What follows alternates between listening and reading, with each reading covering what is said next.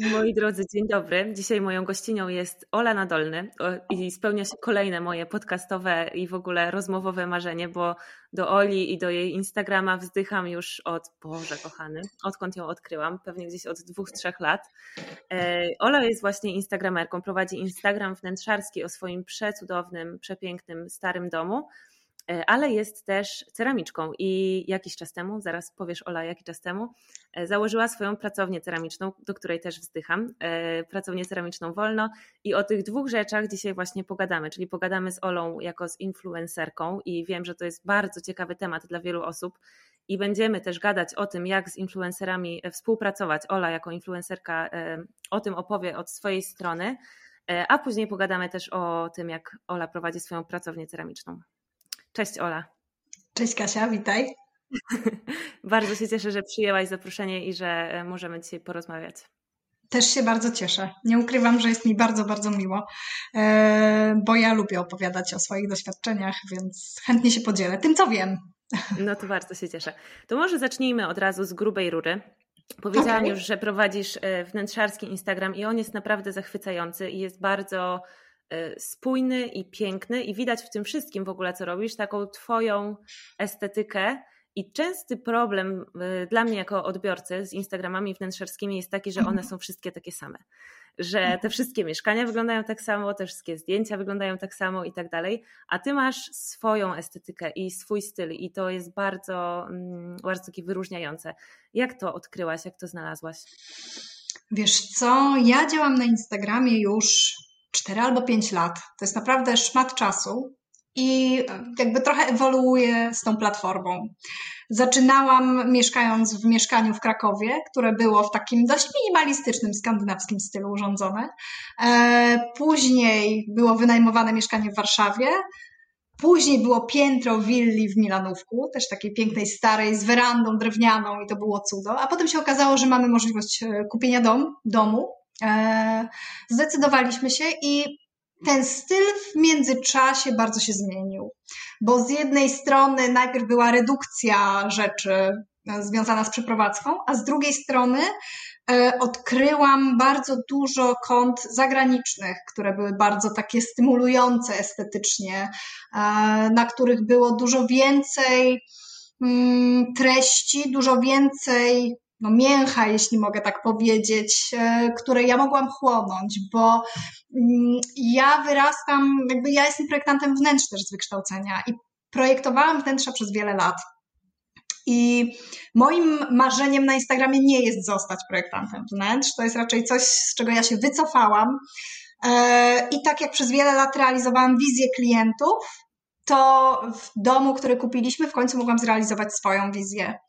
E, I wiedziałam, że, że nie chcę iść na kompromisy i że chcę, żeby ten dom był odważny. I żeby on jakby odpowiadał na moje potrzeby i spełniał moje potrzeby, no moje, nasze, bo jakby z moim mężem e, tutaj e, dużo rzeczy współtworzymy, ale do takiego mm, estetycznego, myślę, elementu bardzo ważne było to, że w pewnym momencie odkryłam szwedzki design i skandynawski design, ale nie ten taki sprzed 10 lat czy sprzed 5 lat, który jest taki bardzo zachowawczy, dość zimny i tak jak się wszystkim Skandynawia kojarzy z, z białą i drewnianą Ikeą, mhm. tylko raczej to były rzeczy z lat 70., 60., to były kamionki, e, to były jakieś ratany, plecionki, zanim one się tak naprawdę pojawiły w powszechnym instagramowym życiu już y, wobec tak, jak to wygląda teraz. Więc y, to była ewolucja. I na początku, jeśli mam być szczera, to nie wszystkie rzeczy mi gdzieś tam pasowały, które, które mamy w domu teraz, tak? Ale gdzieś to się bardzo fajnie zmieniało. Do brzegu. Jeśli chodzi o, o te estetyczne rzeczy, to ja jestem taką osobą, która zawsze idzie swoją drogą. To znaczy, ja szanuję trendy, e, lubię trendy, lubię wiedzieć, co w trawie piszczy i lubię wiedzieć,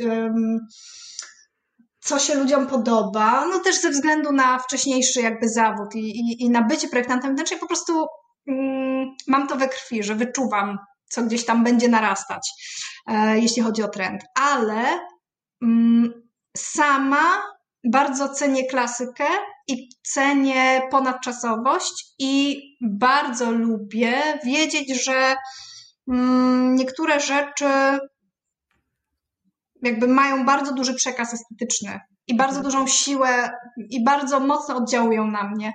E, I myślę, że też tak jest trochę z moim Instagramem, że on bardzo ewoluował przez ostatnie lata. Jak tam się zjedzie na sam dół, to widać jakby początki mojego instagramowego życia jeszcze w Krakowie. E, no i ono wyglądało zupełnie inaczej. Natomiast teraz tak naprawdę to życie, które prowadzę i te zdjęcia, które pokazuję i tą estetykę, którą gdzieś, gdzieś można zobaczyć na tym koncie, to jest moja codzienność jakby mm, czasem gdzieś zdarzają się jakieś pytania właśnie od y, obserwujących, czy my naprawdę w ten sposób żyjemy, czy mhm. nie wiem, nie mam plastikowych butelek rozstawionych na blacie i tak dalej, i tak dalej. I mhm. szczerze mówiąc, jakbym teraz weszła do kuchni, bo to jest też ciekawe, wiesz, tak spojrzeć z boku, no to mm, widzę, że stoi tam, nie wiem, e, kubek z mlekiem i jest cały zlew nieumytych garów, ale jakby ta codzienność, która jest i te przedmioty, którymi się otaczamy, no tak wygląda po prostu. Moje dzieci w tym, w tym wzrastają i to jest dla mnie też bardzo, bardzo ważne, żeby im pokazywać takie autentyczne materiały i i taką pewną prawdziwość w tych wnętrzach. I ja myślę, że, że to jest pewien rodzaj misji też. Um, bo ja mam takie poczucie, że wnętrze ma służyć mi, a nie ja mam służyć wnętrzu, że to nie ja mam się spinać, że o, o, zarysowałam ścianę, albo o, o, przesunęłam źle mebel i już po prostu jest rysa na pięknym e, parkiecie, tylko staram się, żeby to było mm, bardzo życiowe i żeby po prostu było przyjemne. Więc y, z jednej strony ta estetyka, która tam jest u mnie na koncie, to jest taka nasza codzienność i rzeczywiście tak jak to wygląda, to w sumie tak u nas jest. Plus do tego często jest bałagan. Tak, mhm. to jakby dom żyje. I ja zawsze też powtarzam, że jak robię zdjęcia, to um, dla mnie jest bardzo ważne, że ja trochę zapraszam różne osoby do siebie. Więc u mnie nie ma typowego takiego naturalizmu, dlatego że jak ja zapraszam gości, nawet dzisiaj, jak miałyśmy rozmawiać, to używam perfum. Nie wiem dlaczego w sumie, bo przecież i tak się, i tak się nie widzimy twarzą w twarz, ale jakoś bardzo lubię mieć to poczucie, że, że ja nie, nie zapraszam gości do bałaganu i tak samo nie zapraszam mhm. osób, które, które gdzieś przyciąga ta estetyka, którą pokazuje, nie zapraszam ich do, do bajzlu. Co mhm. nie znaczy, że tego tutaj nie ma i co nie znaczy, że, że moje dzieci, nie wiem, nie pomalowały właśnie wczoraj podłogi albo że plastelina nie jest przyczepiona pod stołem, tak? Tylko niekoniecznie to jest to, co, co chcę pokazywać. E, a jeśli chodzi o estetykę, to mm, myślę, że bardzo ważne dla mnie było takie dojście do tego, jak ja chcę pokazywać te treści w sensie wizualnym, czy chcę, żeby to było ciepłe. Jakby to trochę jest element budowania marki osobistej też, mhm. tak naprawdę, którą jest prowadzenie konta na Instagramie w dużej mierze, mm, bo to są odpowiedzi na podstawowe pytania. Czy chcę, żeby to było ciepłe konto? Jakie emocje ma wywoływać? Jakie, mm, jakie uczucia? E, czy to mają być tylko szerokie kadry, czy, czy, czy detale, czy pokazuje zaplecze, czy też nie. No bardzo, bardzo dużo jest tych, mhm. tych elementów i one są bardzo złożone tak naprawdę i mi zajęło naprawdę dużo czasu, żeby dojść do tego punktu, w którym będę wiedziała, że to, mm, że to jest ten content, który, który ja chcę gdzieś dalej mm, wysyłać w świat, jeśli mogę tak powiedzieć. E, i teraz chyba jestem w tym punkcie, w którym jestem zadowolona, ale mm, prowadzenie konta na Instagramie to jest ciągła górka i dołek, więc jakby jesteś na fali wznoszącej i ona jest wspaniała i trwa kilka dni, a potem jesteś na fali opadającej i znowu jest niezadowolenie, bo Instagram bardzo mimo wszystko spala. E, dużo mm, twojej twórczej energii, dużo e, jakichś takich emocji też, bo to są jakby ciągłe interakcje, tak? Więc więc myślę, że ciężko jest zachować balans. Staram się na tych falach gdzieś tam pływać i w tym momencie nie jestem aż tak do końca. Znaczy, jestem zadowolona z tego, jak to wygląda, ale oczywiście są obszary, które mogłabym dopracować, o tak bym powiedziała. Ale super spodobało mi się bardzo to, co powiedziałaś o mhm. Instagramie i o tym, że prowadzenie konta na Instagramie jest budowaniem marki. Czy się tego chce, czy się nie chce, to się to ro mhm. robi po prostu. To się tak dzieje, że ktoś na to konto wchodzi i jakieś tam właśnie wrażenie ma. I to, jakie my wrażenie sprawiamy, możemy albo świadomie to sobie przemyśleć i działać świadomie, albo mm, przypadkowo. Y, I właśnie to widać, myślę, w kontach, jeżeli jest w to włożona mhm. ta intencja, przemyślenie i ktoś wie, co tam chce robić, jakie emocje chce wywołać i tak dalej. I właśnie to u ciebie też widać. To prawda. Jak to u ciebie jest? Jakby jak, to, jak sobie odpowiedziałaś na, na te pytania, właśnie jaki chcesz, żeby twój Instagram był? Wiesz co? Jeśli ci powiem, że to jest ciągły proces, to nie skłamię. Dlatego, że. W pewnym momencie ja troszkę pokazywałam moich dzieci. To nie było bardzo dużo, jakby tych treści, mhm. ale one gdzieś się przejawiały, pokazywały się w różnych e, współpracach, które gdzieś tam miały miejsce. Natomiast założenie było takie, że to nigdy nie będzie więcej niż, nie wiem, 10-20%. Mhm. E, dzieci dorastają i jakby myślę, że e, miałam taki moment wtedy, kiedy musiałam się zastanowić, w którą stronę ja chcę podążać, jak głęboko chcę ludzi też wpuszczać do mojego życia, bo mhm. tak jak y, dwuletniemu dziecku możesz zrobić y, zdjęcie w pokoju, oczywiście to nie było też typowe pokazywanie dzieci tylko, tak? Natomiast to były wnętrza, w których było dużo dzieci. Mhm. E, I zaczęłam się zastanawiać nad tym, mm, na jaką głębokość chcę wejść, jakby, gdzie, dokąd chcę wpuścić e, te osoby. I stwierdziłam, że dzieci jednak nie do końca są tą sferą, mhm. że, mm, że jednak one dorosną i będą chciały mieć dużo rzeczy tylko dla siebie. A dla mnie było ważne, żeby, żeby one się czuły swobodnie i naturalnie też, też we własnym domu. Więc jakby troszeczkę temat dziecięcy się prze, jakby przesunął e, w stronę projektowania pokoi dziecięcych, które, które też robię i tam jakby tematyka dziecięca się pojawia. Natomiast na swoim koncie stwierdziłam, że bardziej chcę jednak iść w stronę już dorosłą. Mhm.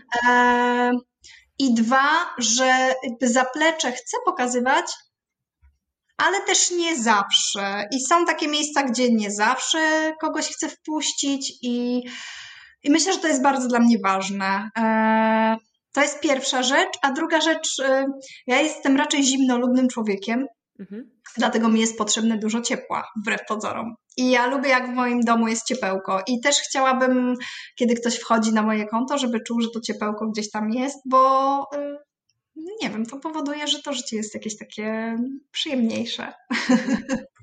Więc u mnie tak naprawdę rok temu przyszedł taki moment, kiedy moja mm, młodsza córka poszła do przedszkola e, i miałam czasu więcej. I nagle się okazało, że mogę go już zacząć wykorzystywać w jakiś bardziej cywilizowany sposób niż to było do tej pory. E, I wtedy jakby stwierdziłam, że okej, okay, dużo tych srok za ogon gdzieś złapałam w ostatnich latach. Trzeba to jakoś skumulować w określoną, w określoną stronę. E, I ja mam bardzo dużą słabość do wnętrz i bardzo dużą słabość do historii, do staroci i, i lubię po prostu też to moje życie i myślę, że, że to przyszło dość naturalnie. I ja nie mam takiego poczucia, że, że to było jakoś bardzo um, przemyślane, może inaczej, wiedziałam, gdzie postawić granice. I tych granic się zawsze trzymałam, jeśli chodzi o pokazywanie jakby tego aspektu osobistego, natomiast estetycznie to cały czas gdzieś się zmienia i cały czas gdzieś ewoluuje i, i rośnie i e, na szczęście nie muszę się wstydzić nigdy rzeczy, które, które pokazuję i które zrobiłam. I jest mi z tym dobrze, ale nie mam takiego jednego mm, punktu zwrotnego. To chyba jest ciągły proces, tak naprawdę. Dla mnie najważniejsze jest to, żeby być no, autentycznym. Wiem, że to jest takie słowo, które jest lubiane i nielubiane jednocześnie, e, bo jest kontrowersyjne, ale mm, pokazuje po prostu te aspekty, które są mi bliskie i które, które na mnie oddziałują, tak naprawdę. O tak bym powiedziała z zachowaniem określonych granic I, i, i to jest też dla mnie super ważne, bo w takim życiu codziennym bardzo łatwo się zatracić też w Instagramie, prawda? I bardzo łatwo gdzieś stracić ten balans, a przez to, że robię to już tyle lat, to jakby wiem, że, że jest tam taka droga, gdzie, gdzie jakby mamy telefon non-stop e, mhm. w dłoni i non-stop trzaskamy te zdjęcia e, i później nie zostaje nam czasu na, nie zostaje nam czas na czytanie książek na przykład, czy na zabawę z dziećmi, bo jesteśmy cały czas przed, przed ekranem. I tak za dużo czasu spędzam z telefonem, więc jakby staram się już eliminować te dodatkowe mm, rozpraszacze w ciągu dnia. Ale myślę, że e, tak ostatecznie to się opłaca e, mhm. zawęzić sobie te rzeczy i tematy, które pokazujemy, bo myślę tak. sobie o Twoim koncie i o Twojej mhm. E, marce osobistej i że to jest trochę mhm. tak, że jest Twój dom i Twoje wnętrza, i mhm. to jest jakby to estetyczne po prostu niebo, mhm.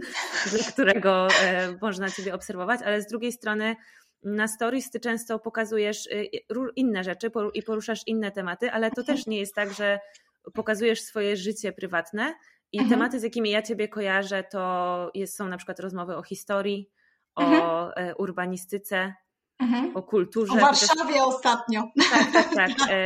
O właśnie o książkach, o sztuce, mhm. o obrazach, o, mhm. o rzeczach, o estetyce rzeczy w kontekście właśnie e, historii mhm. i tak dalej. I to są tematy, które bardzo mocno budują konkretną markę osobistą, że ty nie jesteś taką mamą dziedziutków, e, tak. tylko jesteś tak. poważną kobietą, inteligentną, e, dodatkowo ze świetnym gustem. Mhm. I jakby z takimi rzeczami ciebie kojarzę. Przy okazji fajną, bo też można ciebie trochę na tym Instagramie poznać.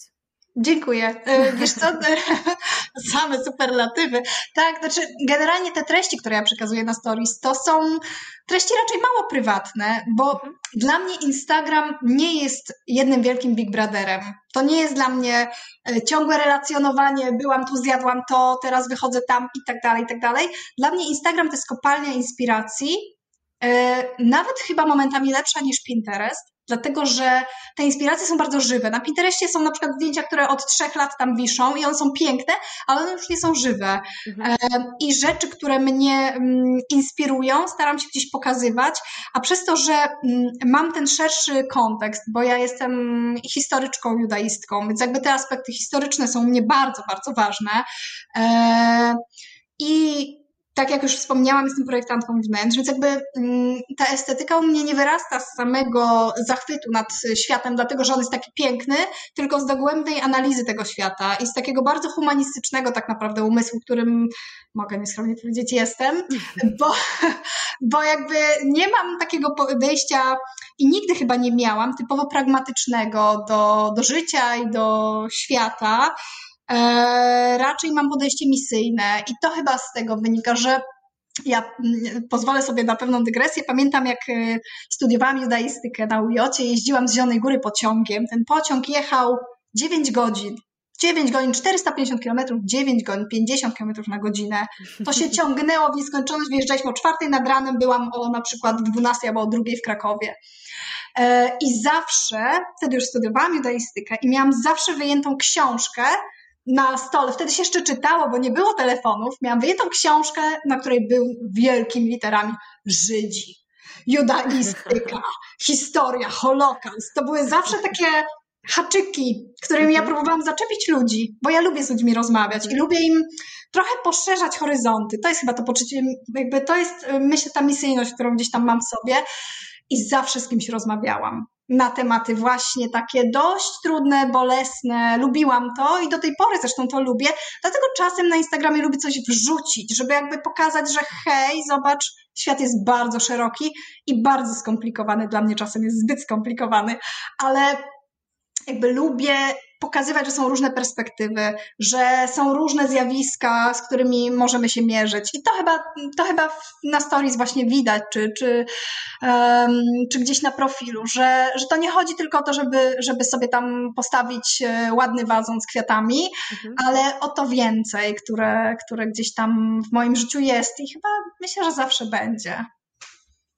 To jest taka chyba, to jest taka magia e, decydowania o tym, co pokazujemy. Wydaje mi się, ja jeszcze nad tym pracuję mhm. i często mam wrażenie, że bez sensu pokazuję jakieś rzeczy, które tak naprawdę jakby nie prowadzą do żadnego celu, nie? ale z drugiej strony chcę też y, dawać się na Instagramie poznać, wiesz, jako człowiek, nie? Mhm. Ale myśląc sobie o tobie, to, to wygląda przecież tak, że ty też jesteś mamą, też się na pewno bawisz z dziećmi, też chodzisz na zakupy i robisz tego typu rzeczy, tylko tego nie pokazujesz, a pokazujesz na przykład tematy o książkach, o historii, takie bardziej powiedzmy gdzieś tak. tam e, intelektualne i przez to się z tym bardziej kojarzysz. A gdybyś nie mhm. pokazywała mm. tego, moglibyśmy w ogóle nie wiedzieć, że na przykład właśnie ty jesteś historyczką, nie? Tylko -hmm. o tobie -hmm. jako o mamie. Znaczy to jest w ogóle ciekawe, bo y, ostatnio była taka zabawa 8 faktów no. na Instagramie i ja tam jakby zapisałam te osiem rzeczy, bardzo musiałam to wszystko przecedzić, żeby, żeby tylko osiem wyszło e, tych elementów. I muszę powiedzieć, że odzew, jaki miałam po tym, typu to ty jesteś projektantką wnętrz, albo ja też wow, tego nie wiedziałam. No właśnie, bardzo dużo osób tego nie wiedziało, bo ja tego nie komunikuję codziennie w sumie, rzadko w sumie o tym mówię, i dla mnie to jest oczywiste i to jest bardzo ciekawe, że jak widzę przypływ nowych osób, to często mi się wydaje, no okej, okay, no oni wiedzą, kim ja jestem, więc ja nie muszę o tym cały czas mówić, a okazało się, że masa ludzi kompletnie nie miała pojęcia jakby, jakie treści też za tym idą, tak? Ja też jakby to, co tak mi się wydaje, że ja nie mam w sobie, misyjność, czyli takie poszerzanie horyzontu to jest jedno, ale ja nie mam w sobie potrzeby, żeby mówić ludziom, jak mają żyć. Mhm. znaczy, ja im nie mówię, hej, y, moje poglądy są takie i one są jedyne słuszne, więc jakby musisz się w to wpasować. Ja im pokazuję, że świat jest szeroki i że mm, miejsce na różne poglądy w tym świecie się znajdą, ja bardzo nie lubię ortodoksji w żadnej, w żadnej formie, w żadnej postaci. Myślę, że to też, że to też widać, e, bo ona zawęża horyzonty, a ja lubię kiedy te horyzonty są po prostu szerokie, więc to z tego wynika. Natomiast to, o czym powiedziałaś właśnie, tak, ja chodzę na zakupy i tak gotuję rosołki moim dzieciom i jeżdżę jak taksówka na trasie szkoła, dom, przedszkole, dom.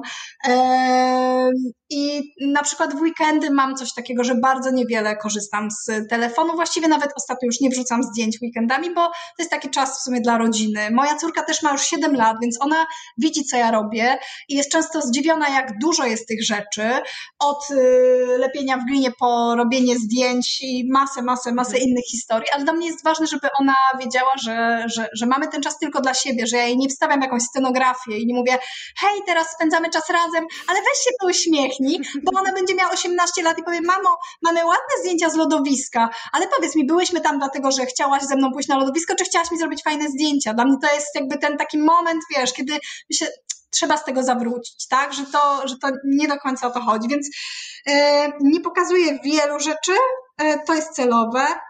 Wiem, że mogłabym i jest mi w ogóle bardzo miło czasem wejść w takie interakcje, tak jak po tych ośmiu faktach, gdzie mhm. mogliśmy sobie nagle porozmawiać, że hej, pływam na żaglach tu, albo nie wiem, projektowałam takie i takie przestrzenie. E, bo to mi pozwala też być bliżej obserwatorów. Natomiast mnie to bardzo spala. I mhm. kiedy dostaję dużo pytań i staram się na nie odpowiedzieć. Nie zawsze mi się udaje, ale na przykład odpowiadanie na pytanie zajmuje mi, nie wiem, dwie, trzy godziny. Mhm. I to jest czas realny, który ja muszę jakby włożyć w, w, w zarząd, jakby muszę zarządzić tym czasem i muszę go wykroić z dnia, prawda? I Dlatego nie zawsze mam jakby te interakcje tak pogłębione. I też druga rzecz, że zauważyłam, że kiedy bardzo wchodzę właśnie w, w jakąś wymianę zdań, różne pytania i tak dalej, to spala mnie to na tyle, że ja później mam kilka takich dni, że muszę się znowu trochę tak już wycofać bardziej i tak spojrzeć z takiej perspektywy znowu, że siedzę sobie w tej jaskini i może znowu wyjdę, ale potrzebuję się schować. Ja mhm. jestem takim typem raczej introwertycznym, Natomiast jestem już po prostu dorosłą, dorosłą dziewczynką, więc, więc gdzieś nauczyłam się tym zarządzać. Super. No dobra, um, powiedziałaś troszeczkę o zdjęciach, o tym, że robisz zdjęcia i ja bardzo bym mhm. chciała Ciebie też o to zapytać, o Twój proces. Y, jak sobie organizujesz robienie zdjęć na Instagram? Y, mhm. Czy przeznaczasz sobie na to jakiś jeden dzień w tygodniu? Jak później wygląda Twoja obróbka i tak dalej? Mm, bardzo chciałabym Ci teraz powiedzieć, że to jest bardzo przemyślane, ale nie jest. Generalnie, znaczy to, co jest dla mnie bardzo ważne, jakby to nie są konkretne dni, to nie są konkretne um, daty i konkretne pomysły na zdjęcia, ale fakt, że mniej więcej wiem, sprawdzam sobie, jaka będzie pogoda. To jest pierwsza mhm. rzecz. I no widzę, proszę. że na przykład szykuje się piękny tydzień, będzie mhm. słonecznie. I ja wiem, że i też druga rzecz, sprawdzam sobie w kalendarzu, kiedy mój mąż pracuje poza domem. Mhm sprawdzam, czy moje dzieci są zdrowe i pójdą do placówek. Mhm. E, I wtedy wiem, że będę miała przestrzeń na to, żeby sobie spokojnie te zdjęcia zrobić. Bo to nie chodzi o to, że ja jakoś nie wiadomo jak stylizuję. U mnie po prostu się bardzo cały czas coś zmienia, bo ja lubię zmieniać, lubię modyfikować i lubię wpływać na tą przestrzeń. Ale staram się wtedy zaplanować sobie, ok, zrobię sobie wtedy różne zdjęcia, różnych pomieszczeń. Niekoniecznie to, tak jak mówię, jest jakaś wielka stylizacja. Raczej nie, raczej, raczej po prostu muszę ogarnąć cukier puder z blatu i, i, i szklanki do zmywarki. Um, I wtedy jakby biorąc pod uwagę, że światło w naszym domu też bardzo pięknie pracuje i bardzo się mhm. zmienia, wiem, że to będzie ten dzień. Mhm. Robię sobie wtedy rzeczywiście tych zdjęć dużo, e, bo to są i szerokie kadry, i to są jakieś detale, to są też zdjęcia przy okazji, na przykład ceramiki na stronę. Mhm. E, czasem się zdarza, że mam jakieś zdjęcia do zrobienia dla klienta i wtedy jakby automatycznie muszę to już wystylizować, bo to są jakieś produkty, które muszą się pojawić w tym wnętrzu, ale staram się zachować balans. Jakby u mnie raczej powiedziałam, że to jest 20 e, do 80, a nie odwrotnie, jeśli chodzi o te treści, które gdzieś, e, na które ktokolwiek ma wpływ, bo dla mnie bardzo ważna jest ta niezależność moja. I wtedy rzeczywiście robię zdjęcia. Czasem robię je aparatem i one są wtedy w ogóle bardzo takie mm, wymuskane, bo one mhm. są obrobione, są bardzo dobrze, jest ostrość ustawiona, chociaż ja jestem totalnym samoukiem. Myślę, że to też jest ważne. Ja robiłam kiedyś zdjęcia analogiem jeszcze jak byłam nastolatką, a później w sumie niewiele miałam do czynienia z prawdziwą fotografią, więc ja absolutnie się nie uważam ani za fotografkę, ani za kogoś, kto ma jakieś wielkie doświadczenie w tej dziedzinie. Natomiast wiem już przez lata, nauczyłam się jak kadrować, mam swój sposób obróbki, mam swój jakiś preset, który sobie sama stworzyłam e, w Lightroomie, którego się też nauczyłam zresztą sama, bo jakby jestem typem osoby, która myśli, nie umiem tego. No dobra, no to się nauczę, no to, to jak to się robi? Co jest minusem oczywiście, bo dojście do tego punktu zajmuje mi często dużo więcej czasu, ale później mam satysfakcję, że zrobiłam to sama. I obrabiam sobie takie zdjęcia i tworzę mm, bank zdjęć tak naprawdę. I często jest tak, że wrzucam tego samego dnia jakieś zdjęcie i mhm. później, e, je do, później jakby idę dalej tym tropem jeszcze w tygodniu i gdzieś je pokazuję, ale czasem jest tak, że te zdjęcia czekają i one po prostu mhm. nie są publikowane i gdzieś wypełniają mi jakąś e, lukę, jakąś pustkę, jakiś zły dzień albo pochmurny dzień. One też wpływają na mnie w ten sposób, że ja nie wstaję rano i nie myślę, o. muszę wrzucić dzisiaj zdjęcie na Instagrama, bo jest pusto albo bo jest nudno. Tylko mam taki spokój w sobie, że, że nawet jeśli to wrzucę to i to zdjęcie, tak? Czyli mam ten bank zdjęć, to bardzo dużo mi daje. Oczywiście to też nie są zdjęcia, które jak jest strasznie brzydka pogoda, to wrzucam, zobaczcie jakie u nas piękne słońce i, i jak w ogóle jest wspaniale, bo to też nie o to chodzi, bo jakby to, to nie to, to raczej jest kwestia zahaczenia się na jakimś, na jakimś elemencie we wnętrzu na przykład, tak? I, i stworzenie wokół tego pewnego, pewnego opowiadania. E, czasem ostatnio zauważyłam, że takie bardzo ułożenie zdjęć też, w sensie właśnie samo korzystanie ze zdjęć z aparatu, które są takie idealne, mhm czasem powoduje, że jest zbyt sztywno. W sensie, że jest tak bardzo już perfekcyjnie. I ostatnio na przykład wrzuciłam jakieś zdjęcie y, z naszą Sunią, bo mamy psa od trzech tygodni, gdzie y, na szczęście nie widać, chociaż jak się ktoś przyjrzy, to widać, że tam wystaje kawałek takiej maty, y, gdzie te pieski się załatwiają. I to jest jakby ten element taki pra prawdziwości, tak? Że, że czasem jest tak, że siedzę po prostu w salonie i myślę, Boże, jak to jest pięknie, ja naprawdę lubię to miejsce, w którym mieszkam. Ja ci się nie dziwię. Wiesz, widzę, że to światło tam pada i że ta gwiazda z tego okna się odbija i po mhm. prostu robię wtedy zdjęcia, szkoda mi wtedy wyciągać aparat, po prostu wtedy szybko, szybko cykam, e, cykam po prostu telefonem, e, zresztą rozwalonym iPhone'em mhm. E, zdjęcie i ono też jakby bardzo fajnie gra, tylko że ja zawsze wtedy daję ten sam filtr, jakby to jest czy preset. E, to jest ten element e, spójności, który, który jest istotny. I też mam satysfakcję, że wtedy jest zachowany gdzieś, wiesz, ten balans, że z jednej strony masz jakiś fajny detal, który pięknie gra, a z drugiej strony masz wnętrze, które żyje, bo, bo te wnętrza żyją i lubię pokazywać, że żyją. Mhm. A uczyłaś się gdzieś właśnie obróbki zdjęć, czy doszłaś do wszystkiego sama całkowicie? Mm, Szczerze, tak się teraz zastanawiam. Wiesz co, ja tak jak mówię, za, za moich czasów, jak zaczynałam Instagram, to e, Wisko było już po prostu mhm. szczytem wyrafinowania. Mhm. Pamiętam, że ktoś kiedyś mówił o czymś takim jak presety, ale kompletnie w ogóle nie wiedziałam, co to jest, z czym to się je yy, i o co w tym wszystkim chodzi i długo operowałam tylko na filtrach, które były w ogóle w Instagramie. Później mhm. właśnie było blisko, a później stwierdziłam, że, że okej, okay, że czas troszeczkę jakby popracować już bardziej może z, z aparatem, z, z taką mm, półprofesjonalną obróbką, a nie tylko właśnie z czymś takim totalnie gotowym. I zaczęłam szukać tak naprawdę. Pamiętam, że ściągnęłam kiedyś Lightrooma, ja niestety nie znam, nie znam Photoshopa, więc jakby to jest moja wielka bolączka, no ale na Lightroomie mam te wszystkie funkcjonalności, które są mi potrzebne, mam ten swój styl, który pasuje mi do, do całości. E, i do tej marki osobistej, bo to myślę, że jest ważne, że, że to, to, o czym mówiliśmy gdzieś tam na początku, że ja chcę, żeby one były ciepłe, te zdjęcia, mhm. po prostu, i żeby były takie mm, ogrzewające bardziej. Mhm. Um, więc y, dochodziłam do tego chyba wszystkiego sama, jeśli mam być szczera. Kiedyś kupiłam presety od kogoś. Nie pamiętam mhm. teraz od kogo, ale szczerze powiem, że niestety z presetami od kogoś jest tak, że one pięknie wyglądają na zdjęciach, które ten ktoś pokazuje, tak. ale niekoniecznie się zgrywają z, z Twoim światłem, bo to nawet mhm. wystarczy, że to są presety, nie wiem, ze Stanów i okazuje się, że tam jest trochę mhm. inne, że tam jest trochę inne światło, tak? I, i to już nikt nie zawsze gra. Y, więc y, modyfikując i no, jakby metodą prób i błędów doszłam do, do tego, co mi się na tą chwilę podoba. Trochę ostatnio się przyciemniłam bardziej. Mhm. E, ale to są wszystko rzeczy mm, wynikające z tego, że jestem samoukiem. Tak, tak, zdecydowanie. Jakby nie korzystam z takich gotowych rozwiązań. Na tą chwilę przynajmniej. Super. A planujesz swoje posty? Korzystasz z jakiejś aplikacji do planowania albo do automatycznego wrzucania? Nie, właśnie nie. Wszystko robię, wszystko robię ręcznie. Mam zapisane jedynie w rolce aparatu te takie następne posty, które można w wersji mhm. robocze, to się chyba nazywa. Mhm. E, I tylko, tylko w ten sposób jakby to, to działa. Kompletnie tego nie planuję.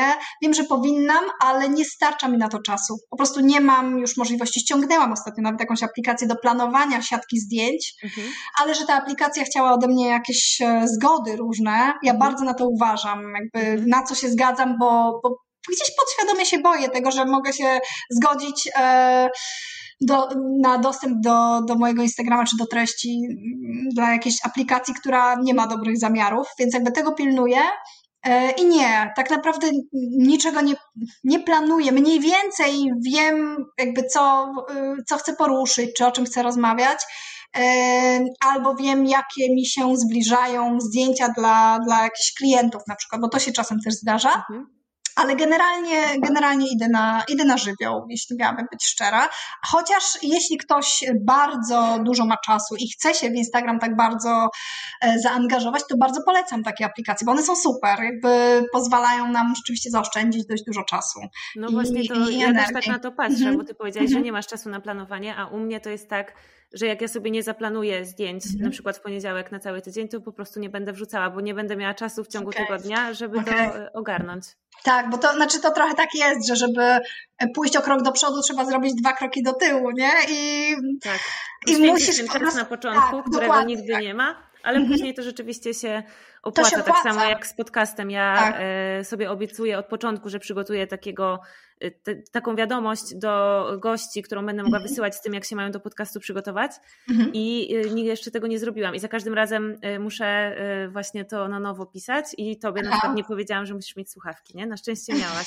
Ale właśnie to jest takie głupie podejście, bo mm, teoretycznie nie ma czasu, ale okazuje się, że później to zawsze z tego wynikają jakieś problemy. To prawda, ale jakby myślę, że to, co jest ważne, to, że y, działamy w dużej mierze w pojedynkę, na własnych zasobach.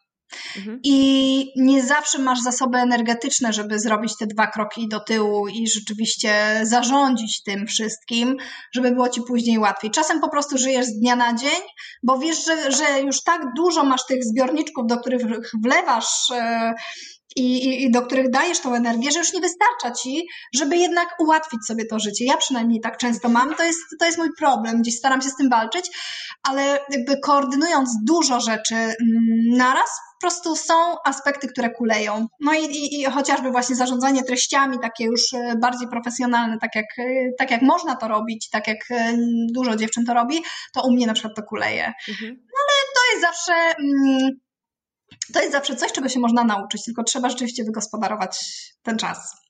Na początku, a później Na początku. sobie siedzisz, tak. a zdjęcia są przygotowane. Samo ci się wszystko robi. To Może jest nawet tak ustawić, że się samo robi. Samo się robi, tak. Dobra, Ola, słuchaj. E, chciałabym też z Tobą pogadać o mhm. e, Twojej części tego, co robisz. E, źle sformułowałam to pytanie, zacznę jeszcze raz. No. Chciałabym e, Cię zapytać o bycie influencerką, tak naprawdę, mhm. i to mhm. z dwóch stron. Mhm. Bo masz w tym e, pewne doświadczenie, masz dosyć duże konto. Może mhm. zacznijmy właśnie od tego, jak w ogóle ty swoje konto rozwijasz i jak. E, jak, jak, jakich, jakich używasz metod i tak dalej, dzięki mhm. czemu twoje konto rośnie. Okej. Okay. No więc y, hmm, nie zaczyna się zdanie od no, więc dzięki mamo. E, wygląda to w ten sposób, że mm, u mnie wszystko rośnie bardzo organicznie. Ja jakiś czas temu zapytałam o promowanie treści na Instagramie, dlatego że ja nigdy nie zapłaciłam za reklamę na Instagramie. To ja nie mówię tego jako coś, z czym się też mhm. mogę szczycić, bo nie uważam, że to jest cokolwiek złego, żeby, żeby płatne treści na Instagramie robić. I myślę, że zacznę, ale nigdy nie kupiłam żadnego obserwatora. Jakby w czasach, w których niektóre konta bardzo przyrastały dziwnie, magicznie, um, jakby zawsze szłam swoją drogą. I tak jest do dzisiaj. I moje konto nie jest takim kontem, które rośnie w jakimś zastraszającym tempie. Ja nie mam jakichś takich momentów, kiedy mi to, brzydko mówiąc, zażre i dostanę nagle bardzo duży zastrzyk followersów, tak? To mhm. idzie bardzo naturalnie i bardzo swoją drogą, ale może to też wynika z tego, że ja dla mnie, e, jakby ja nie postrzegam się jako influencera, w tym sensie, że e, ja po prostu dzielę się swoimi treściami czy estetyką, ale nie jest to moje główne zajęcie. O, może tak bym powiedziała. Nie jest to dla, nawet jeszcze inaczej, to nie jest moje docelowe zajęcie. Mhm. To, nie jest, e, to nie jest koniec drogi, tylko to jest jakiś tam etap i przystanek. Więc to konto rośnie sobie organicznie. To nie są jakieś wielkie przyrosty. E, I mam czasem takie momenty, że sobie myślę, że już jestem tym zmęczona, bo robię to naprawdę wiele lat. Mhm. I chyba dlatego to rośnie. E, ale mm, jeśli bym zaczęła przyrastać bardzo szybko, to myślę, że byłoby to dla mnie bardzo stresujące i bardzo takie emocjonalnie trudne, dlatego że to wtedy wymaga dużo większej ilości interakcji. E, skrzynka jest ciągle zapchana, e, masz e, poczucie, że cały czas musisz tak naprawdę kręcić tym kółkiem, bo, bo, bo ci coś ucieknie. Mhm. Więc mm, ja się czasem wręcz zastanawiam, że moje działania, które nie są aż tak. Um, jakby to powiedzieć, one nie są aż tak bardzo zaplanowane na mhm. Instagramie, są może podświadomie troszeczkę tak działam, żeby, żeby się powstrzymać przed takim um, wzrostem y, nad którym nie będę panować. O, może w ten sposób. Ja lubię mieć kontrolę nad tym, co się, co się dzieje i, e, i chyba z tego to wynika. Natomiast Instagram mi daje dużo satysfakcji, daje mi bardzo dużo jakichś przyjemnych interakcji. Poznałam wspaniałe dziewczyny naprawdę i z niektórymi się znamy tylko wirtualnie, z niektórymi znamy się też realnie i to są bardzo wartościowe osoby często, które mają dużo do powiedzenia, i które y, i też się wspieramy w wielu, w wielu sytuacjach i potrafimy sobie gdzieś y, doradzić z różnymi kwestiami.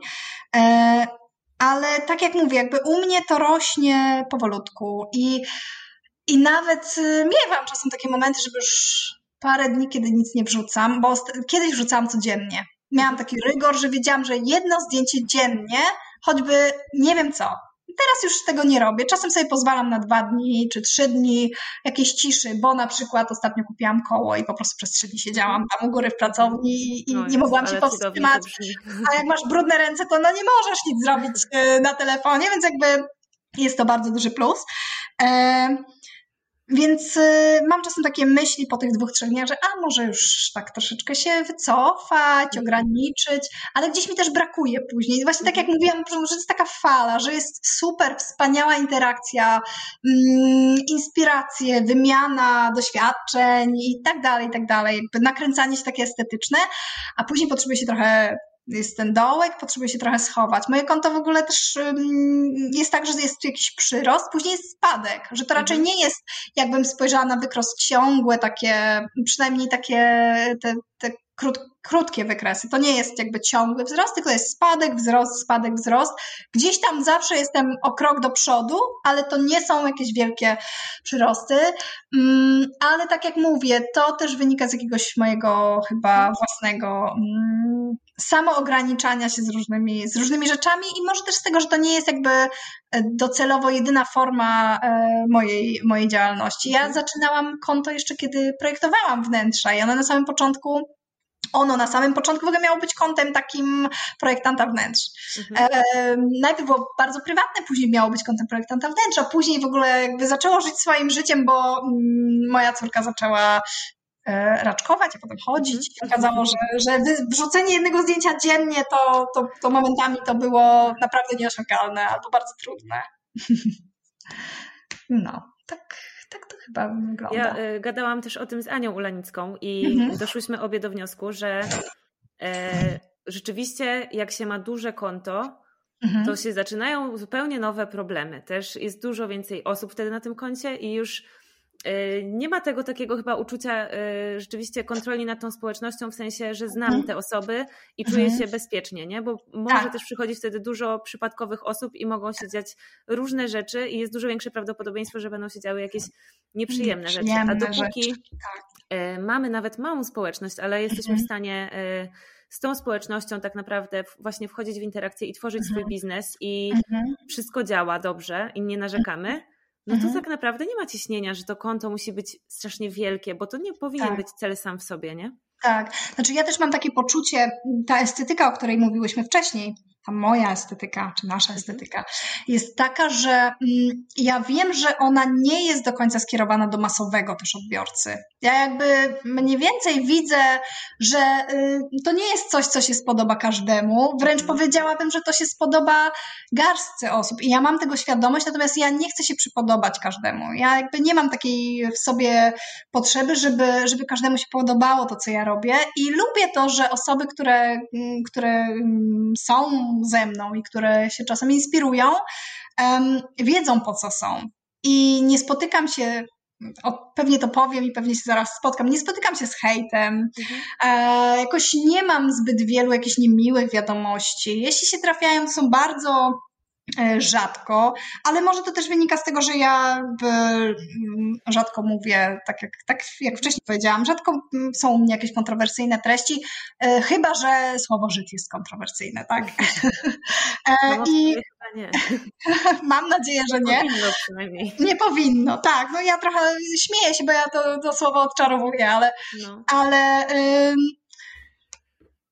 ja chcę, żeby osoby, które są ze mną, wiedziały, że to jest ta wartość dodana, która u mnie jest. To trochę tak, jak, jak pamiętam, jak Ola Morawiak e, w swoim podcaście u ciebie mówiła o tym, że jak ktoś zamawia u niej projekt, to jest tam w umowie taki, taka adnotacja, że on się zaznajomił ze stylem twórcy i on jest mhm. świadomy. Jak, mhm. ja troszeczkę mam tak z Instagramem, że jakby jeśli ktoś u mnie jest, to on się zaznajomił ze stylem, w którym ja tworzę. I ja sobie bardzo cenię tą wolność i to samo stanowienie i to, że ja nie muszę nikomu nic udowadniać, bo ja wiem, że niektórym się może to nie podobać i ktoś mi może powiedzieć, co, te ściany nie mają gładzi, to w ogóle jest brzydkie. I, a jak się szoruje tą podłogę, to takie też w Polsce mamy bardzo duże, jak pamiętam z pracy projektanta wnętrz, bardzo duże takie poczucie, że wszystko musi być bardzo funkcjonalne, łatwe do czyszczenia, e, szybko do sprzątnięcia i tak dalej, i tak dalej, że, że, że mm, to jest bardzo silny imperatyw gdzieś mhm. w polskim społeczeństwie.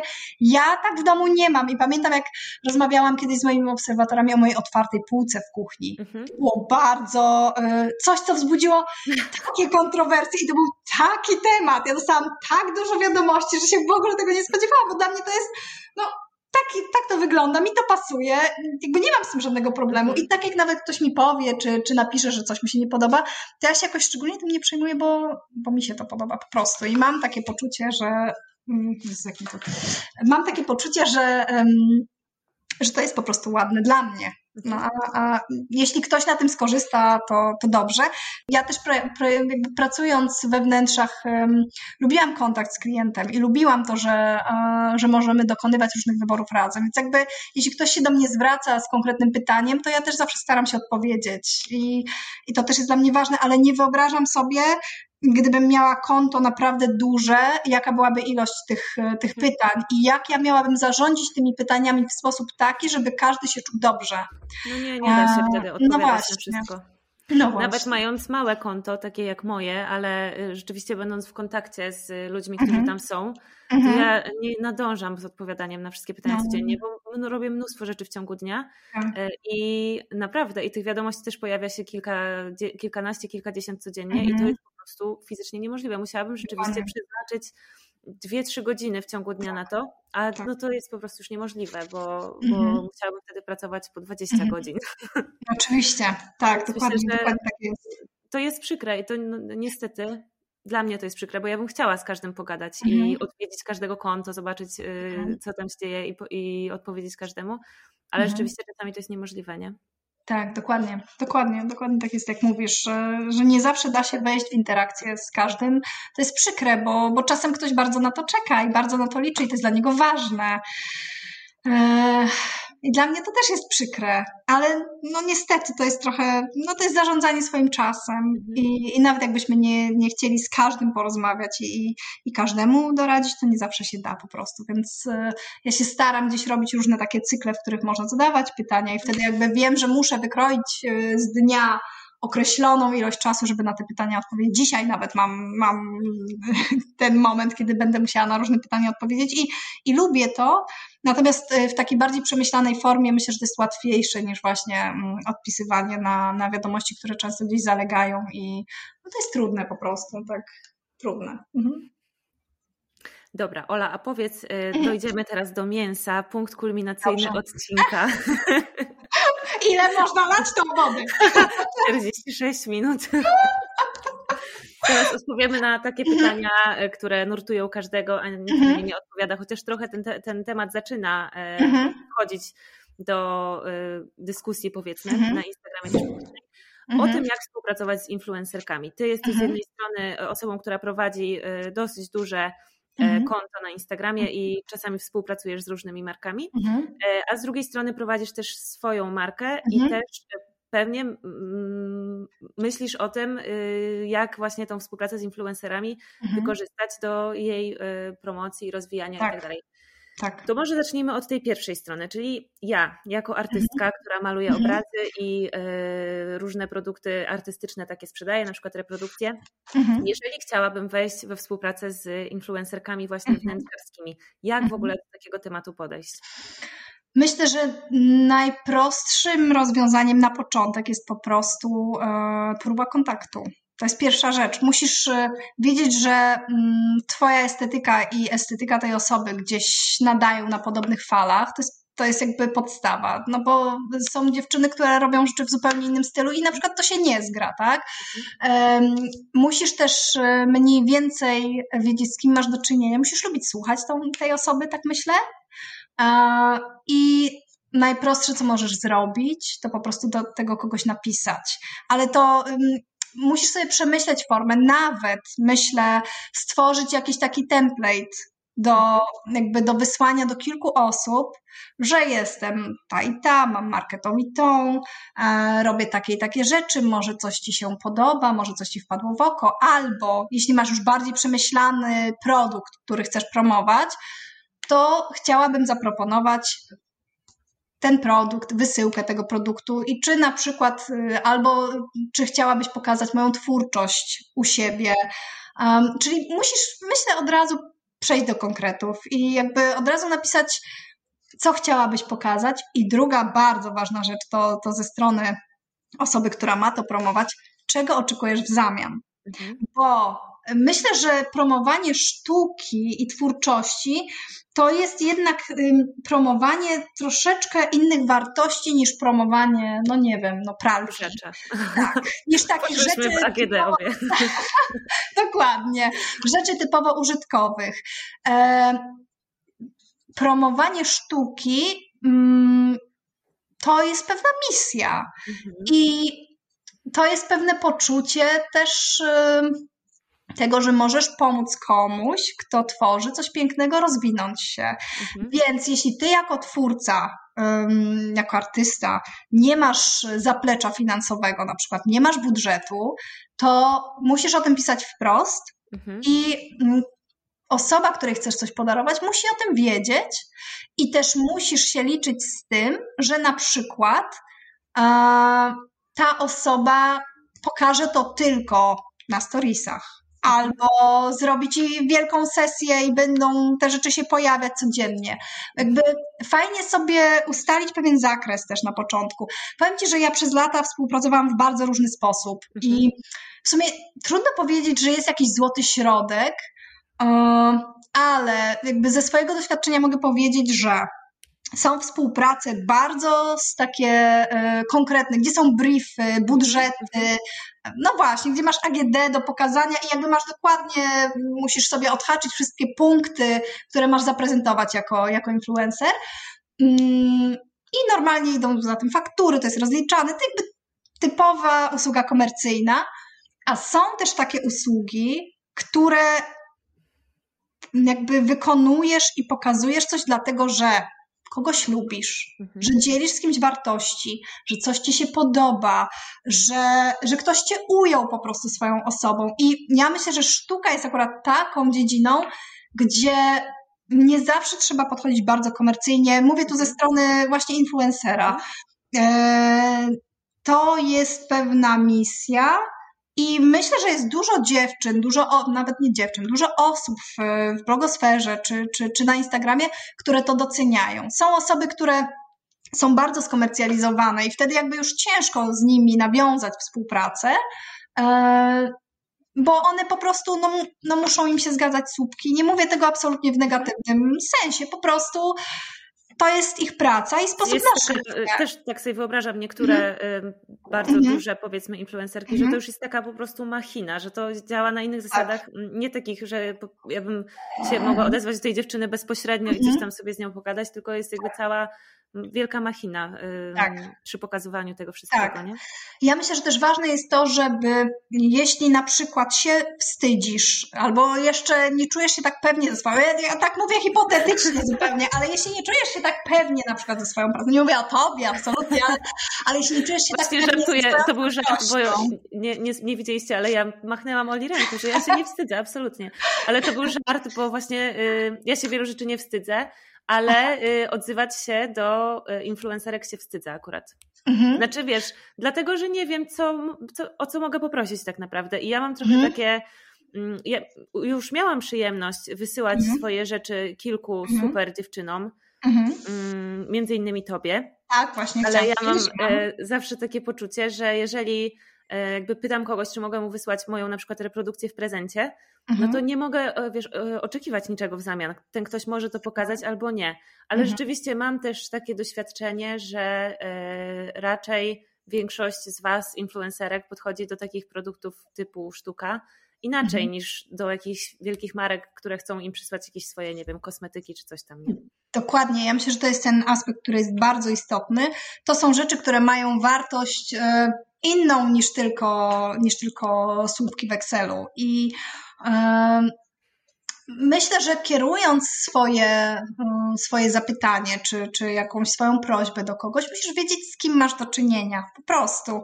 I jeśli widzisz, że u tej osoby się pojawiają czasem takie treści, że chyba nie zawsze robi tylko komercyjne rzeczy, albo że ma w sobie dużą wrażliwość, jakąś dużą czułość, dużą samoświadomość, czy w ogóle świadomość też właśnie istnienia tego całego świata sztuki, który, który myślę, że jest jeszcze bardzo niedoszacowany i niedowartościowany na polskim Instagramie, bo tak naprawdę ym, mamy dużo różnych plakatów e, mhm. komercyjnych, ale niewiele mamy prawdziwej sztuki. Mhm. Niewiele, a szkoda, bo myślę, że to jest e, piękna rzecz, która naprawdę w te piękne wnętrza często może się wpasować. I myślę, że akurat e, pokazywanie sztuki we wnętrzach, osoby, które prowadzą konta wnętrzarskie, to są często osoby bardzo wyczulone na, na sztukę, na estetykę. Mhm. E, może czasem nie, jakby nie, nie do końca. Hmm, w codzienności poszukują, ale to nie znaczy, że jak ich ta sztuka nie znajdzie, to nie będą chciały jakby pokazać, tak? I, mhm. i myślę, że, że, że, że jakby to chodzi to, o czym powiedzieliśmy wcześniej, że chodzi też o wartości. Mhm. E, I wydaje mi się, że warto pisać.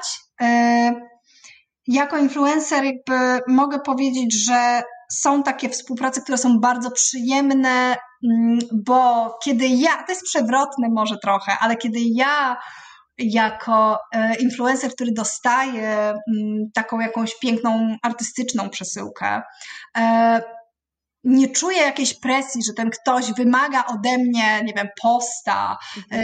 e, trzech storiesów i tak dalej, tylko daje mi tą przestrzeń, to tak naprawdę ja daję jemu przestrzeń, żeby jakby on, e, żeby coś się zadziało tak emocjonalnie też, prawda, między, między tą jego twórczością a, a, a moim wnętrzem, a później on mi daje przestrzeń, żebym ja przedstawiła to w sposób, który według mnie będzie najbardziej odpowiedni.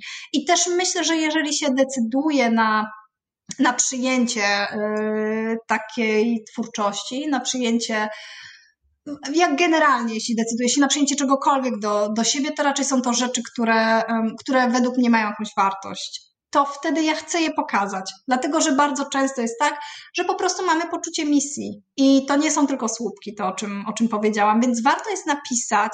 Można napisać na Instagramie, ale e, najlepiej znaleźć maila do tej osoby. Dlatego, że niestety to, o czym mówiliśmy wcześniej, na Instagramie masz.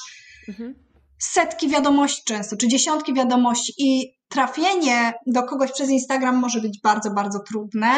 Eee, łatwiej jest napisać po prostu, oczywiście w mailu od, odwołać się do swojego konta eee, i jakby to wszystko przeprowadzić tak, jak należy od strony formalnej, mhm. eee, żeby ta osoba wiedziała, z kim ma do czynienia, ale jednak samo napisanie na Instagramie nie zawsze przyniesie skutek, bo po prostu może zginąć w tych, w tych dużych kontach, w tych dziesiątkach wiadomości, więc to jest ważne.